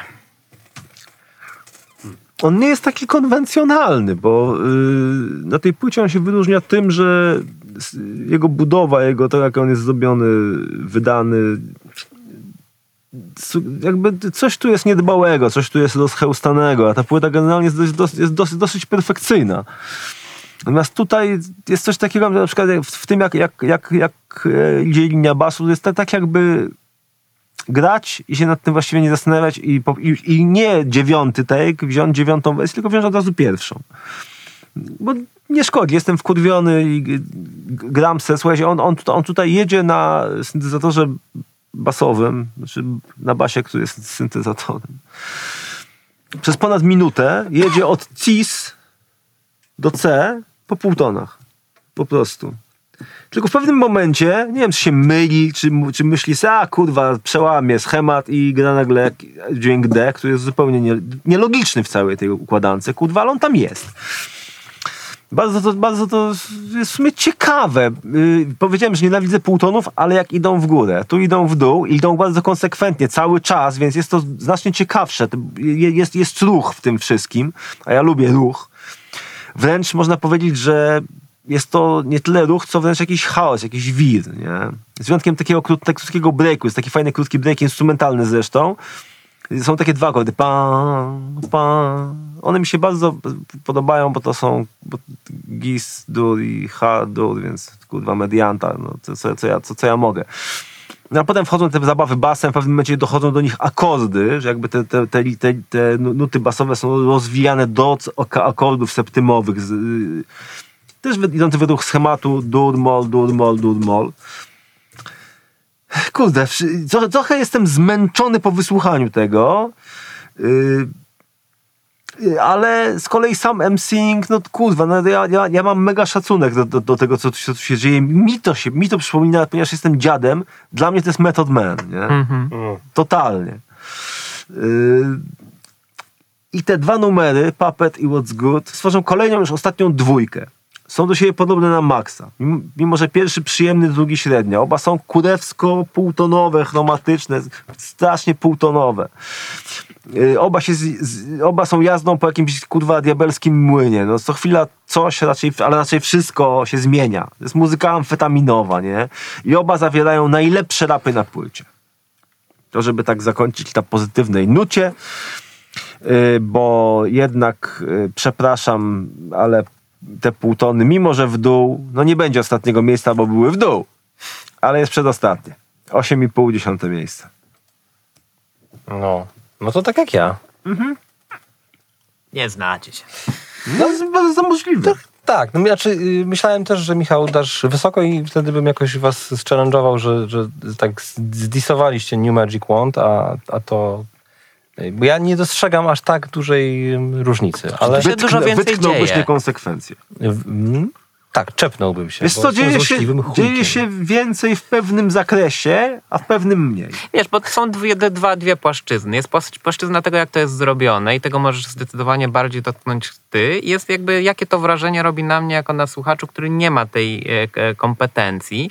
I teraz, jeżeli ja mam tutaj na przykład, po pierwsze, załóżmy świetne flow, potem jakoś ten utwór zaczyna się w sposób... Mm, harmonicznie spójny dla moich uszu rozwijać i nagle po prostu dopierdala tam ten synt basowy, coś, co jest kompletnie dysonansowego na moje uszy. Tam jest w pewnym momencie tak, że on gra jakiś długi dźwięk, który się nie zgadza, po prostu No to, to, no to, gryzie. to, to D chyba To właśnie. ja już mam takie wrażenie, o, zastrzygłem uchem, tu, tu coś się wydarzyło innego. To ja w New Magic Wand nie znajduję takich w ogóle miejsc. Poza, poza mostkiem, oczywiście, to- zawsze mostki. A tu w ogóle półtony też wchodzą harmonicznie, bo jest taki dwudźwięk na samym początku pod, pod rapem, taki dzwoneczek, taki dęm, dęm, to jest, to jest dźwięk, to, jest, to są dwa dźwięki, gis i a. Właśnie półton, jak brzmi pół- półton harmonicznie, nie melodycznie. Właśnie tak brzmi. Dosyć nieładnie. Ale, nieład, ale nieładnie to nie znaczy, że chujowo. Okej, e, panowie, no to żeby trochę przyspieszyć. Gone Gone i Thank You. Ym, no i wydaje mi się, że teraz Paweł zaczyna. A ja nie zacząłem poprzedniego przebiegu? Mhm, czekajcie. Ja zacząłem. Ach, Running to byłem ja, okej, okej, mogę zacząć. Nie, już Kuba, Paweł. E, to Ja? ja, ja zrobiłem Paweł. e, już zajawkę tego, co tutaj najważniejszego miałem do powiedzenia, czyli właśnie to, że y, ten utwór zbudowany tak naprawdę z trzech części, które są mocno od siebie różne i, nawet padła tutaj, e, jak się okazało, żartobliwa koncepcja Michała, żeby w ogóle podzielić się na dwa traki i oceniać osobno. E, Jaja jak berety. tak, no. Ja w końcu oceniłem osobno. Dałem to samo, to samo miejsce, ale oceniłem osobno. E, to pierwsza część tego utworu, czyli Gone Gone i w ogóle pierwsza część tej pierwszej części, bo też się moim zdaniem dzieli na dwa segmenty. tak. E, To jest właśnie ten moment, kiedy ja rozciągam pomost do e, The Soft Bulletin, a potem rozciągam jeszcze kolejny pomost do Briana Wilsona. I, i to jest taki bubblegum pop trochę tutaj, czyli jakby znowu kontynuujemy te, to, to, to, to szura, sz, sz- szperanie w muzyce lat 60., które zaczęło się dla mnie na poziomie puppet. Co mnie w tym ujmuje, to jest właśnie y, ta wspomniana już emocjonalna szczerość, pozostawanie tego naszego narratora w kontakcie ze swoimi emocjami. E, Brian Wilson śpiewa Sometimes I feel very sad. I wiecie, to komunikat w dobie rocka garażowego, lata 60., druga połowa i on jest nagle tym mężczyzną, dzieckiem, który wyznaje coś takiego. To wymaga pewnej odwagi. Tyler na tej płycie y, śpiewa na przykład y, Thank you for the love, but I don't ever wanna fall in love again. No, to jest serducho na dłoni Tak. i, i jakby w ko- koncept, konwencji tej, tej płyty to, to oczywiście robi, e, robi wrażenie. E, więc ta szczerość e, em, emocjonalna w Gone Gone mnie ujmuje. Co nie znaczy, że jest jakoś mi bardzo bliska melodycznie, muzycznie. To, to jakby Flaming Lips z mm, poziomu Soft Bulletin czy Yoshimi to nie jest jakoś mój e, zespół życia. E, Ej, ale faktycznie, to, to, to, to jest trochę Yoshimi. Teraz tak, tak, tak to w głowie zestawiłem. To, jest. brzmiało, Super, brzmiało super to kretyńsko, ale, ale, ale kurwa właśnie nie, to jest genialne. Druga część tej pierwszej sekwencji tego utworu jest już dużo bardziej jazzowa, to jest jakiś taki łącznik. Tutaj sobie zapisałem, że tutaj akurat Thundercat bliżej się dla mnie pojawia jako punkt odniesienia. Eee, No i mamy w końcu część trzecią, czyli Thank You, e, jakby miks dwóch poprzednich. Melodycznie znowu jesteśmy gdzieś w klimatach Flaming Lips, ale e, podkład jest już rapsowy, nawet może, nie wiem, jakiś cloud rapowy, taki synty lejące się bardziej. Jeśli dobrze zapamiętałem, co tam się dzieje, bo... Oczywiście Bo oprócz takich mostka, bo, bo jest mostek jeszcze, jest taki bre- break. A, widzisz, to powiesz, bo ja, ja, ja nawet sobie go nie wynotowałem i przyznam, że nie odtwarza mi się teraz w głowie. No bo on, to, on trwa 20 sekund, mi też się nie otworzy, E. nie otworzy głowy, ale pamiętam, że jest że jest zajebisty. Słuchajcie, Ja nie, nie będę przeciągał. Ch- chyba to najważniejsze o tych emocjach, co chciałem powiedzieć o tym bubblegum popie, e, to jest moje miejsce szóste, środek stawki. Doceniam, ale nie szaleję.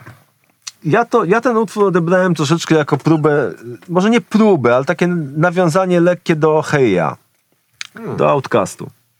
Też miałem takie skojarzenie Tak, troszeczkę. bo w, ogóle, bo w ogóle to, to dla mnie odniesieniem na tej płycie, nie ogólnie do, do Tylera, najcelniejszym będzie Outcast. Nawet się na, nadziałem na, na, na coś takiego, że to jest vaporwave'owy Outcast, to, to, ta płyta, nie?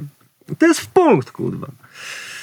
Yy, Okej. no Outcast wiadomo, że to jest nalepka na co drugi alternatywny ra- rap ze Stanów. Omawialiśmy tutaj yy, płytę yy, Kendricka, która dość mocno też przy, przy, przywoływała.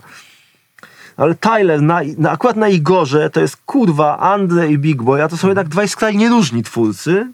Kurwa połączeni w jedno monstrum. No z przewagą Andre i jego tej takiej ekstrawaganckiej serduszkowości. Yy, ale uliczne cwaniactwo Big Boya też, też przebija niemal w każdym numerze, nie? Yy, na przykład w Puppet yy, myślę, że Tyler rapuje jak Big Boy. To jest kurde bardzo mocno Big Boy, jeśli chodzi o, o rytmizowanie i rymowanie. Yy, oczywiście jest też wiele lepszych odniesień, ale tutaj ja mam teorię. Yy, no i do czego do, docieram, że w Gun Gun, no, no właśnie on nawet śpiewa jak Andrzej trochę. A rapuje znowu jak Big Boy też. Yy, Jest to ciekawy numer. Yy, Takiego nie było do tej, do tej pory. Jest gitara w ogóle dość, dość, dość prominentna. Gitara była, była, była już w jakimś numerze, yy, ale ledwie grała. Nawet w Puppet była. Właśnie, właśnie. Ale tam ona, ona w miksie była strasznie schowana. Tutaj jest ewidentna. Jest, jest takie bicie, takie f, f, Tak. folku, folkujące wręcz. No, to, ale, ale w Heja było podobne. Tak, tak, tak. Yy, kurde, prosta jest ta, prosta jest ta progresja, no. Y, B-dur, D-moll, G-moll, F, F sus 2 z septymu i, i potem pow- powtarzane różną liczbę razy S-dur, D-moll, nie? No to kurde, no nie jest, nie jest to wymyślne za bardzo. Mm, Jest fajna melodia tam. Co- Comparing scars. Wszystko diatoniczne. Felt like summer, znów diatoniczne. Yy, albo, albo potem whether it's rain or shine. My, my love's gone. Kurwa, znowu wszystko diato- diatoniczne. Ale te cztery różne yy, jakby konstrukcje kończyły się na czterech różnych dźwiękach. Nie? Najpierw było B, potem F, potem dis, potem G. Albo A. Zależy, jak, jak, jak, co, co zdecydował w danym momencie pan kreator. Kurwa. Ale jakby, no i jest to kolejno dla akordów seksta tercja, nona tercja, septyma, kwinta kwarta, więc kurwa znowu latamy sobie i po, i, po, i po dodanych, i po, kurde, a, a na prymie rozwiązania do tej pory, kurwa, jeszcze nie było ani jednego. Niby amator, a unika tej prymy jak zawodowiec. Zajebiście mi się to podoba. No i, i dochodzimy do, do tej części numer dwa. My love is gone, my love is gone. Znowu mamy, kurwa, konstrukcja i w dół. Konstrukcja i w dół. Konstrukcja i w dół. W tym jakby, kurwa, tylko, i tym razem jest to transportowane naprawdę sporo razy, bo jest najpierw o ton, potem o pół ton i potem znowu o ton i melodia trzyma się tego kurwa kurczowo, jakby Je- jest y, figura taka y, jakby y, cztery w dół, pół tony, ty, jeden pół ton w dół. I znowu. Kurwa, stałe, stałe relacje, oczywiście relacje to jest nona, septyma, septyma z akordami. No jest czego posłuchać, kurwa. Niby jest to takie matematyczne, takie trochę mm, równoległe transpozycje to są. Y, czyli, czyli no nie jest to kurwa Paul McCartney, nie? Ale, ale fajne, no fajne. Tutaj nie ma być Paula McCartneya, tutaj jest smutek, my love's gone. Nie mam siły, kurwa, kombinować inaczej niż, niż, niż, niż, niż tylko tak.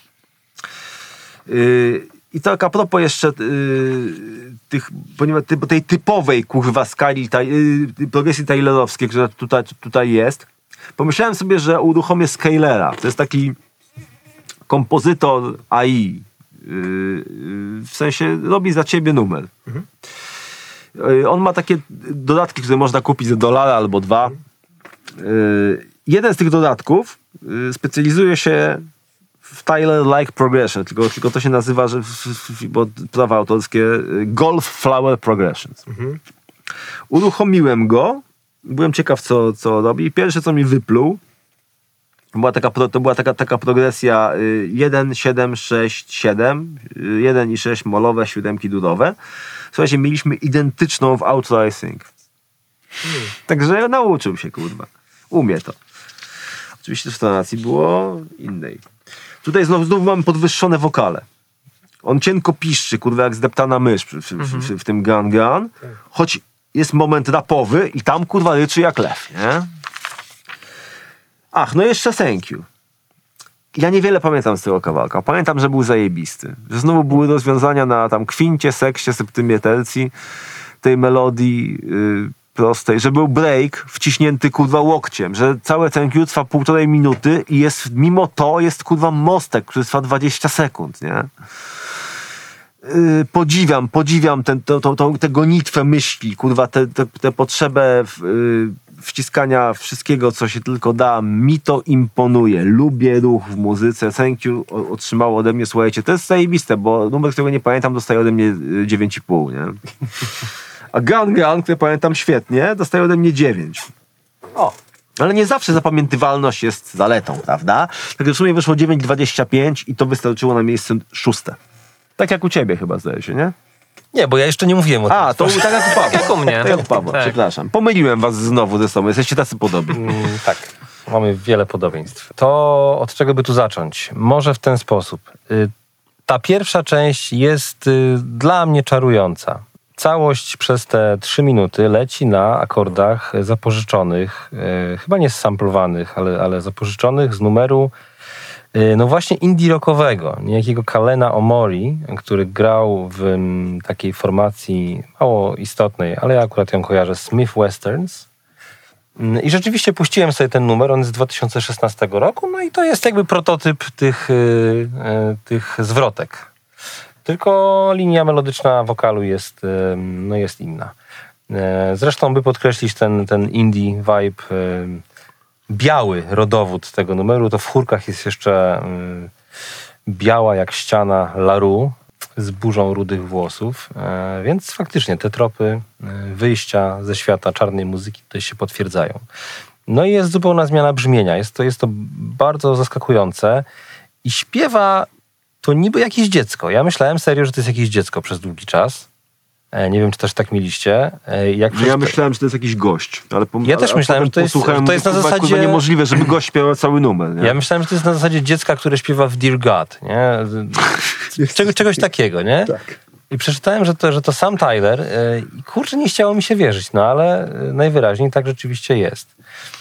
Do tego stopnia to jest takie właśnie dziecięce, słodkie, niewinne, że ja trochę mam skojarzenie tutaj, jeżeli chodzi o barwę wokalu z młodym e, Michaelem Jacksonem z początków em, Jackson 5. Nie? On, mu- on mógłby, mógłby też to zaśpiewać. I właśnie ta, ta, ta, ta słodycz, ta niewinność, y, to dzięki temu to spełnia dokładnie tą rolę, którą ma spełniać, czyli pozwala na takie pogodzenie się, daje jakieś pocieszenie, tylko nie do końca jest to, jest to mm, pozytywne pogodzenie się. No, te linijki whether it's rain or shine, I know I'm fine for now, my love's gone, my love's gone, czyli jakby no niby jest ten element y, konsolacji, ale, ale mm, cały czas gdzieś tam go to y, gryzie. E, Niemniej te trzy minuty są dla mnie y, istotnym momentem odświeżenia. E, Jest tam, jest tam dużo fajnych takich mikrodetali, które, które mi no, robią. Jak śpiewa nawet to słowo summer, to jest takie, takie jest tam taka fajna energia, która, która się na tej płycie wcześniej nie pojawiała. Mm, Potem wchodzi ten mostek, który jak zwykle na tej płycie to już to już do jakiegoś bingo za chwilę będzie mm, włączone. Podnosi poziom sofistykacji. Super jest ta linijka You never lived in your truth, I'm just happy I lived in it. But I finally found peace, so peace. E, No, bardzo błyskotliwie podsumowane w dwuwersie. mm, Ale też bardzo to ta ocennie. relacja. To nie jest takie do końca zgodne. To jest jakby oceniam cię typie. No to jest, jest, no ale Daję sobie, No, daję sobie prawo, przyjmując, cię wers, przyjmując optykę naszego bohatera, jest to bardzo zgrabnie ujęte. Jest to powiedzmy jakaś ewolucja postawy, nie? Jednak Od cię, stronę, nie? bo jesteś kłamcą, hipokrytą. E, Na 4.40 zaczyna się, no właśnie nie do końca druga, tylko właśnie trzecia część tego utworu, czyli Thank You, e, którą ja bym określił mianem jakiegoś takiego zdeformowanego cyfrowego soulu, Mm, przy tej chyba najbardziej tej pamiętnej linijce I don't ever wanna fall in love again. Ja pomyślałem o Dionne Warwick, bo ona miała taki numer świetny. I'll never fall in love again. Ale bez związku muzycznego To oczywiście. Bakalaka chyba było. Oczywiście. Jak prawie wszystko, co pani, e, Oczywiście, pani tak. Warwick śpiewała. Zdarzało się też śpiewać chyba utwory Barry'ego Giba. Tak, nagrała płytę Któż by nie chciał. jedną. No cóż, no nie, nie, Bardzo, nie, zresztą bardzo dobrą. nie ja tu jestem specjalistą od, e, od ty- tych artystów, więc już zamknę ryj. I ogólnie zamknę, bo w sumie ta płyta mogłaby się tu skończyć na tym takim właśnie zapętlonym refrenie, ale to byłby koniec niby pogodzony z losem, ale jednak bardzo taki gorzki, przygnębiający, niespełniony, e, więc dobrze, że się nie kończy. Mimo tego, dla mnie to jest jeden z y, istotniejszych, ważniejszych punktów i super, że ta piosenka się znalazła w drugiej części albumu, bo ja tutaj raczej jednak faworytów mam na, na, na początku stawki, a na końcu e, jest jeden faworyt, to jest właśnie ten, to jest moje podium, miejsce trzecie. No i co teraz? Em, Teraz ty. teraz y, I Don't Love You Oj. Anymore i teraz jesteś ty. To jest taki kawałek, który kurde troszeczkę jest bez historii, pozornie. Znaczy, po- y, jest, powiedziałeś bingo. No i mamy bingo, nie? Że jakby y, większość kawałka to jest dość nieciekawa progresja As-Dur 7, G-moll 7, Ges-Dur 7, Fi- F-moll 7, czyli jakby wycięty fragment tej schodzącej progresji z What's Good, nie? Gdzie, było, gdzie po półtonach leciał na końcu za koldami, to to jakby wyciąć ten, cztery z nich i, tu, i tutaj wpierdolić. A ta progresja była w bingo? To jest ta progresja, z której się y, śmiano, y, jak, jak Tyler zaczął komponować. Nie? A okej, dobra. Rozumiem już. Chyba. Jakaś podobna tam była. Spoko, spoko. No nie, no, no, no nie jest to kurwa, to nie jest sofisti. To, to, to jest takie, to jest takie y, wannabe sofisti, pseudo sofisti, nie? Więc nie bardzo mi się to podoba. Ale kurwa, potem wchodzi kawałek innego numeru, nie? Nagle w tym kawałku wchodzi jakby inny numer. I tam są dwie rzeczy ultra ciekawe, ultra ciekawe, których nie było wcześniej na tej płycie i w ogóle na niewielu płytach coś, takiego, coś takiego można, moż, mo, można znaleźć. Jest taka sekwencja y, C-moll, C-moll, D-moll, E-dur, C-dur. No fajnie, że C-dur, przy tym było C-moll, super, D-dur. Znowu E, C, D, E, C. Wszystko jasne. Wszystko jasne, tylko że kurwa y, to E-dur, ono ma G w basie. G, nie? Czyli tercję, ale nie tą kurwa tercję. Jakby akord durowy, tylko że bas gra tercję z molowego, kurwa, nie? Ja to sprawdzałem, szczypałem się, kurwa. No, E-durowe z tercją wielką w środku, tercją małą w basie. No o kurwa mać. Słuchaj, nie wiem, czy przywołałbym jeden przykład czegoś takiego, nie? który słyszałem wcześniej. Nie pamiętam. I myślę, że myślę, że jeżeli to tych przykładów byłoby kurwa na palcach jednej ręki po wypadku kurwa z piłą, nie? Yy, No i w tym, w tym samym frag- fragmencie yy, Solange śpiewa takie dwugłosy, nie? Najpierw na demol, potem na tym edur dziwnym i potem na cedur. I już na demol dośpiewuje taki dwugłos H i E. Kurwa, dlaczego, jakie H? Jeśli jest demol, to seksta powinna być B. Kurwa, no ale też B i E to był, by, byłby tyton, nie? Ale ona śpiewa H i E, żeby była konsonansowo, ale to się z, kurwa z akordem nie zgadza, ale zgadza. To jest ten, ten case, jak było przy dżamie dokładnie niektórych na kawałkach, że zgadza się, chociaż nie powinno. To jest absolutnie najwyższa kurwa szkoła jazdy. Nie, rozumiem tego kompletnie. I na końcu jest jeszcze taki piękny stojan ze smyczków, które trzymają dźwięk F, który pasuje do wszystkich czterech akordów bazowych, tych takich dosyć podłych, kurwa. Za ten fragment innego numeru jakby dla mnie jest 9 punktów ogólnie i siódme miejsce nawet yy, dałem. Także, Mm.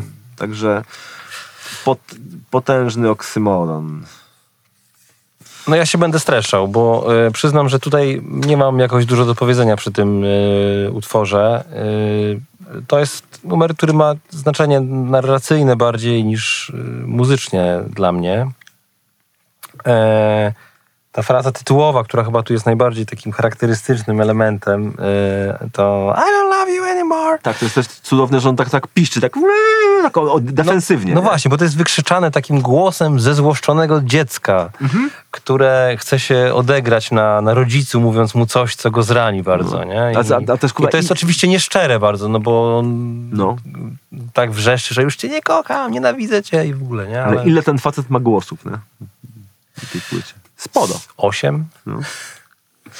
No, em, Mostek jest, jest, jest tutaj znowu bardzo dobry. Tam chodzi mi o ten fragment, gdzie on śpiewa tam Now I'm stuck forever and ever and ever and ever i tak dalej. No tak, tak. To, ja- to, to, ja To, to, o ty tym- o tym mówiłeś, tak? Tak. Bo ty operujesz, tym, że tak powiem, zestawami akordów. Ja jak nie zawsze jestem No ja w stanie wiem, ja ten wiem. moment namierzyć, o którym mówisz akurat, więc, więc y, No co ty, bardziej no go co ty, patologicznie. Kuba?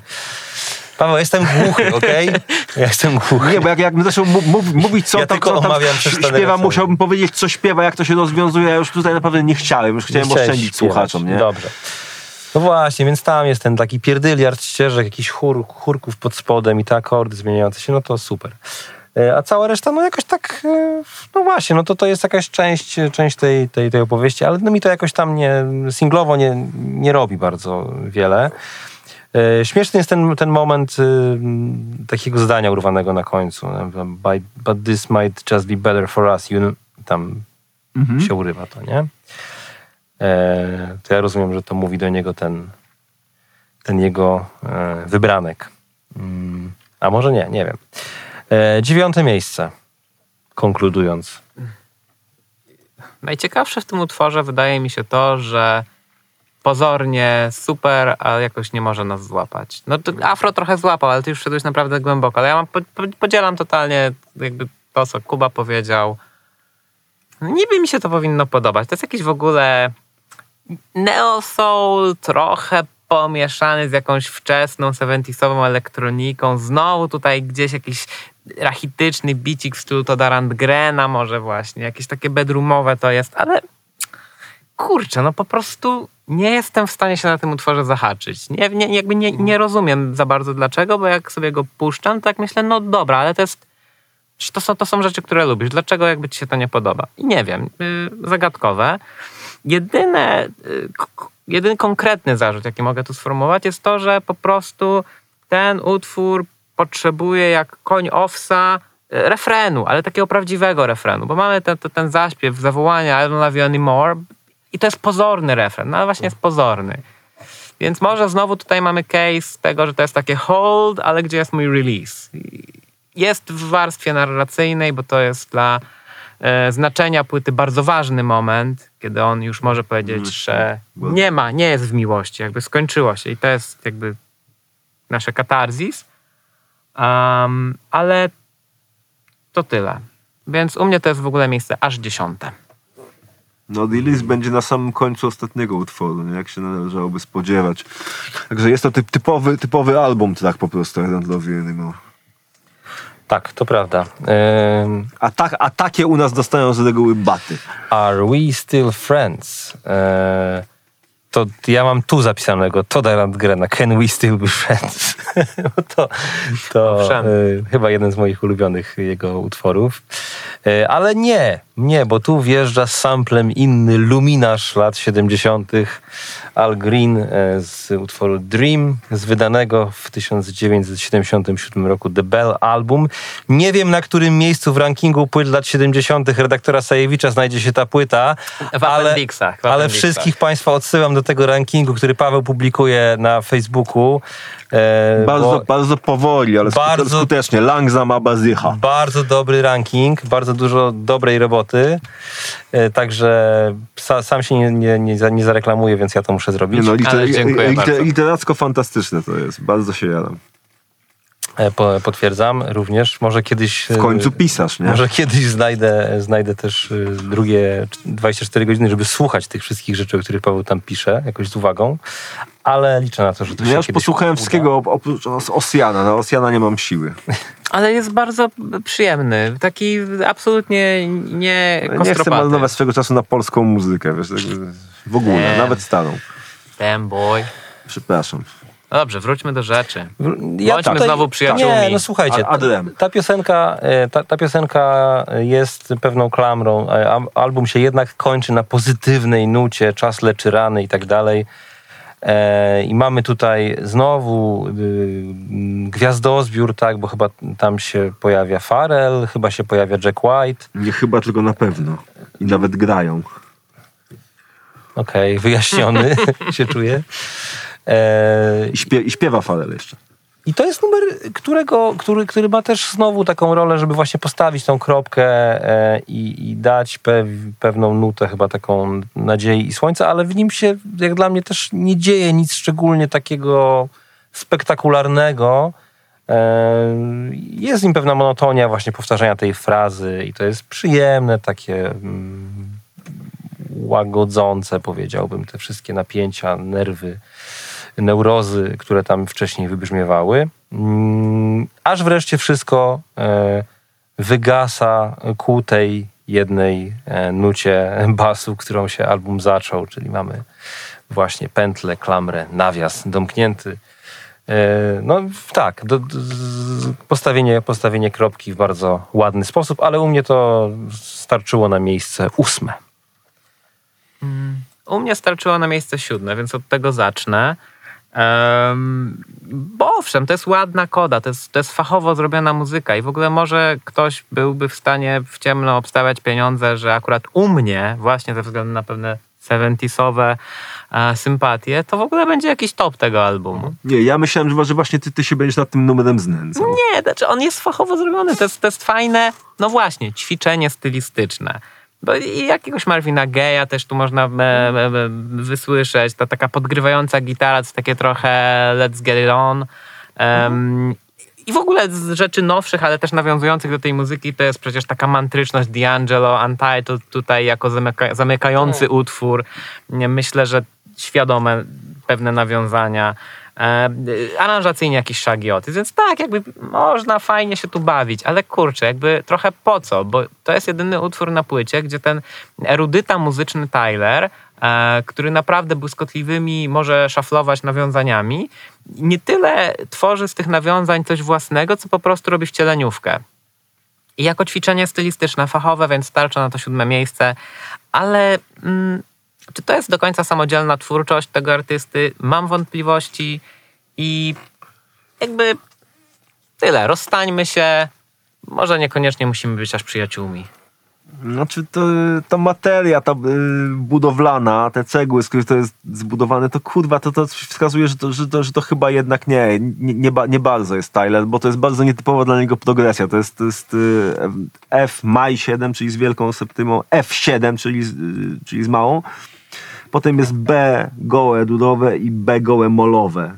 No ciekawa progresja, że tam jakby durowy i molowy po sobie, yy, zawsze, ja zawsze to lubię że F z różnymi septymami jest po sobie, ale generalnie jakby to obrać, kurwa, z tego, z tych ozdobników, no to wychodzi, że to jest, że to jest konstrukcja 5 do 1, nie? No to, no to, to jest prawie blues. I ten numer jest bluesowy, no. To jest, to, to, jest bluesior, ale, jed, ale jednak jest to bardzo elegancki bluesior, bo, No bo, bo, bo te inkrustacje jednak, kurwa, te, w tych akordach, to jakie one są, no, ja- jakby czym one są więcej, a nie jakie one są w swojej bazie, no pozwala nas na sporo fajnych tutaj zagrywek, nie? Yy, To, to jest takie delikatne, skomplikowane, nienachalne jest to rozszerzenie, to jest bardziej popowa niż jazzowa progresja. Jest krótka i treściwa. Yy, jakby trochę powrót do początku płyty. Po, pomijając jej charakter, to jakby jej funkcja, jej, jej funkcjonalność jest podobna jak była w, w kawałkach 1 i 2. Yy, Fajna jest melodia, bo jest can, Are we still friends? Ten, kawałek, ten, ten, dźwięk friends, to jest coś, to jest, coś, to jest Blue Note, to jest coś pomiędzy as i a. I to jeszcze zjeżdża yy, do C i kurwa, takie, to jest, ten zjazd jest taki bardzo szybki. We still friends? To tak właściwie by, by, by brzmiało, gdybym zaśpiewał to ja. A tam ktoś, kto kto śpiewa, chyba sam Tyler. Yy, robi to naprawdę świetnie, świetnie. Dużo jest zabaw w wokalach yy, i w gitarach, yy, potem z, rucho- z ruchomą septymą, bo to nacja właściwie nie określa, która pasuje, z tercją też ruchomą, z sekcją ruchomą, no pojawiają się w improwizacjach obie. Ten zespół bluesowy w składzie Pharrell Williams, Jack White i Tyler, the Okonma fajnie sobie radzi z tą, z, tą, z tą materią. Uważam, że mimo, że jest to wcieleniówka, to wokalnie to jest tour de force Tylera, nie? że kurwa mnóstwo dobroci. Ten styl, to jego wycie jest bardzo stylowe. A niestety tytuł tego utworu mi się skojarzył z takim kawałkiem Why Can't We Be Friends zespołu Zespoł War. Why can't we Pot, pot, be potem, potem nie, dlaczego niestety, bo, bo, bo, znam, bo znałem to prawie całe życie głównie z coveru zespołu Smash Mouth. Okej. Rozumiem, bo ja lubię ten oryginał nawet. Lubię te, te parówki. No oryginał jest, oryginał tak, oryginał, tylko że, tylko, że dla, mnie, dla mnie zawsze będzie, oryginał będzie coverem, nie? Mhm, rozumiem. Tej chuju. Bardzo ci współczuję. No właśnie. To miło, że ktoś mi współczuje, to jest zawsze, zawsze, sym, zawsze sympatyczne. Zgo, zgodność jest zadziwiająca w, tym, w tym przypadku, bo to jest miejsce ósme. Dla mnie ocena 9 mimo wszystko, Wow. mimo że bluesior. Ocena Miała jakieś 11 na 4 10. na 10. Nie no, słuchajcie, ja, ja muszę coś krytykować, kurwa, no, żeby nie wyszło. Bo już powiedziałem na samym początku, że ob, obcujemy z arcydziełem, że ja, że, że ja powinienem i pewnie będę miał to w trójce płyt życia. Słuchajcie, Je. em, arcydziełem, arcydziełem z pewnością jest również niniejszy odcinek płytcastu, który dobija właśnie do trzech godzin. Do trzech godzin Pora zatem na podsumowanie, bo tak inaczej nie wrócę, dobijały do czterech. bo inaczej nie wrócę do domu. Nie, nie było takiego przypadku. No nie, a, E, Dobrze, podaję, podaję wyniki. E, Mam dzisiaj arkusz kalkulacyjny, więc wszystko zostało już w międzyczasie komputerowo obliczone. 11 miejsce New Magic Wand. Ku rozpaczy fanów starego, dobrego Taylora. Dziesiąte miejsce I Don't Love You Anymore. I potem na ósmym Exequo What's Good i Are We Still Friends. Na siódmym Puppet. Na szóstym A Boy Is a Gun. I aż pięć utworów na podium. Normalnie jak na olimpiadzie w zapasach. E, na trzecim miejscu są trzy utwory. Nie, nie chyba, tylko jakoś to, skoro trzy to nie No wiem. właśnie, zliczmy to jakoś. Extriquo albo nie wiem, whatever. Chcesz to, tak? Chcesz Tak, teraz tak, ja, dokonywać... ja bym to zrobił, tak. E, czyli powinien być tak, że e, naj, ten, który jest najwyżej notowany, tak, no to będzie na piątym Gone Gone Thank You i potem na trzecim się już nie da rozdzielić, bo y, oba mają drugie miejsce przyznane przez jednego z nas. Okej. E, więc na, na trzecim będzie Igor's Theme i Running Out of Time. Na drugim I Think i na pierwszym Earthquake. O, co, czyli bez, bez, bez niespodzianki Bez żadnej, pierwsze. bez żadnej sensacji. Nie tak jak ostatnio. Ale Nie szukaj sensacji. I think trochę zaskoczenie moim zdaniem jednak. Myślałem, że wy trochę zgnoicie ten utwór. A tu nie. A tu Super. nie. Nie, nie, no to jest, to jest, jakby, wiesz...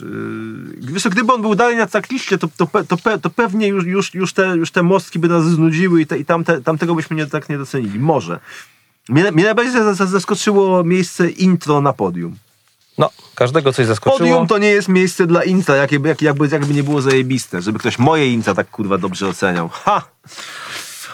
Kochani, bardzo wam dziękuję. Musimy już kończyć. E, Musimy. To był Płytcast. E, Zanim Wasz sympatyczny podcast. zanim zakończymy, polecamy jeszcze odwiedzenie naszego Facebooka Instagrama i zostawienie tam łapki w górę oraz szerowanie naszego wspaniałego e, podcastu. Dziękujemy również wszystkim, którzy zaangażowali się w naszą aukcję na rzecz Wielkiej Orkiestry Świątecznej Pomocy tak.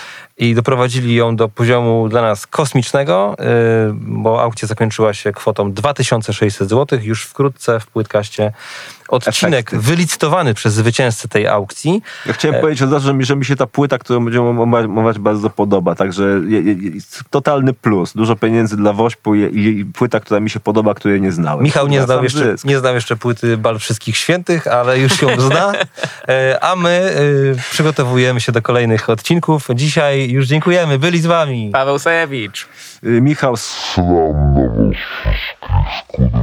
Hoffman. Kuba Ambrożewski. E, Ja pozdrawiam. Dziękuję.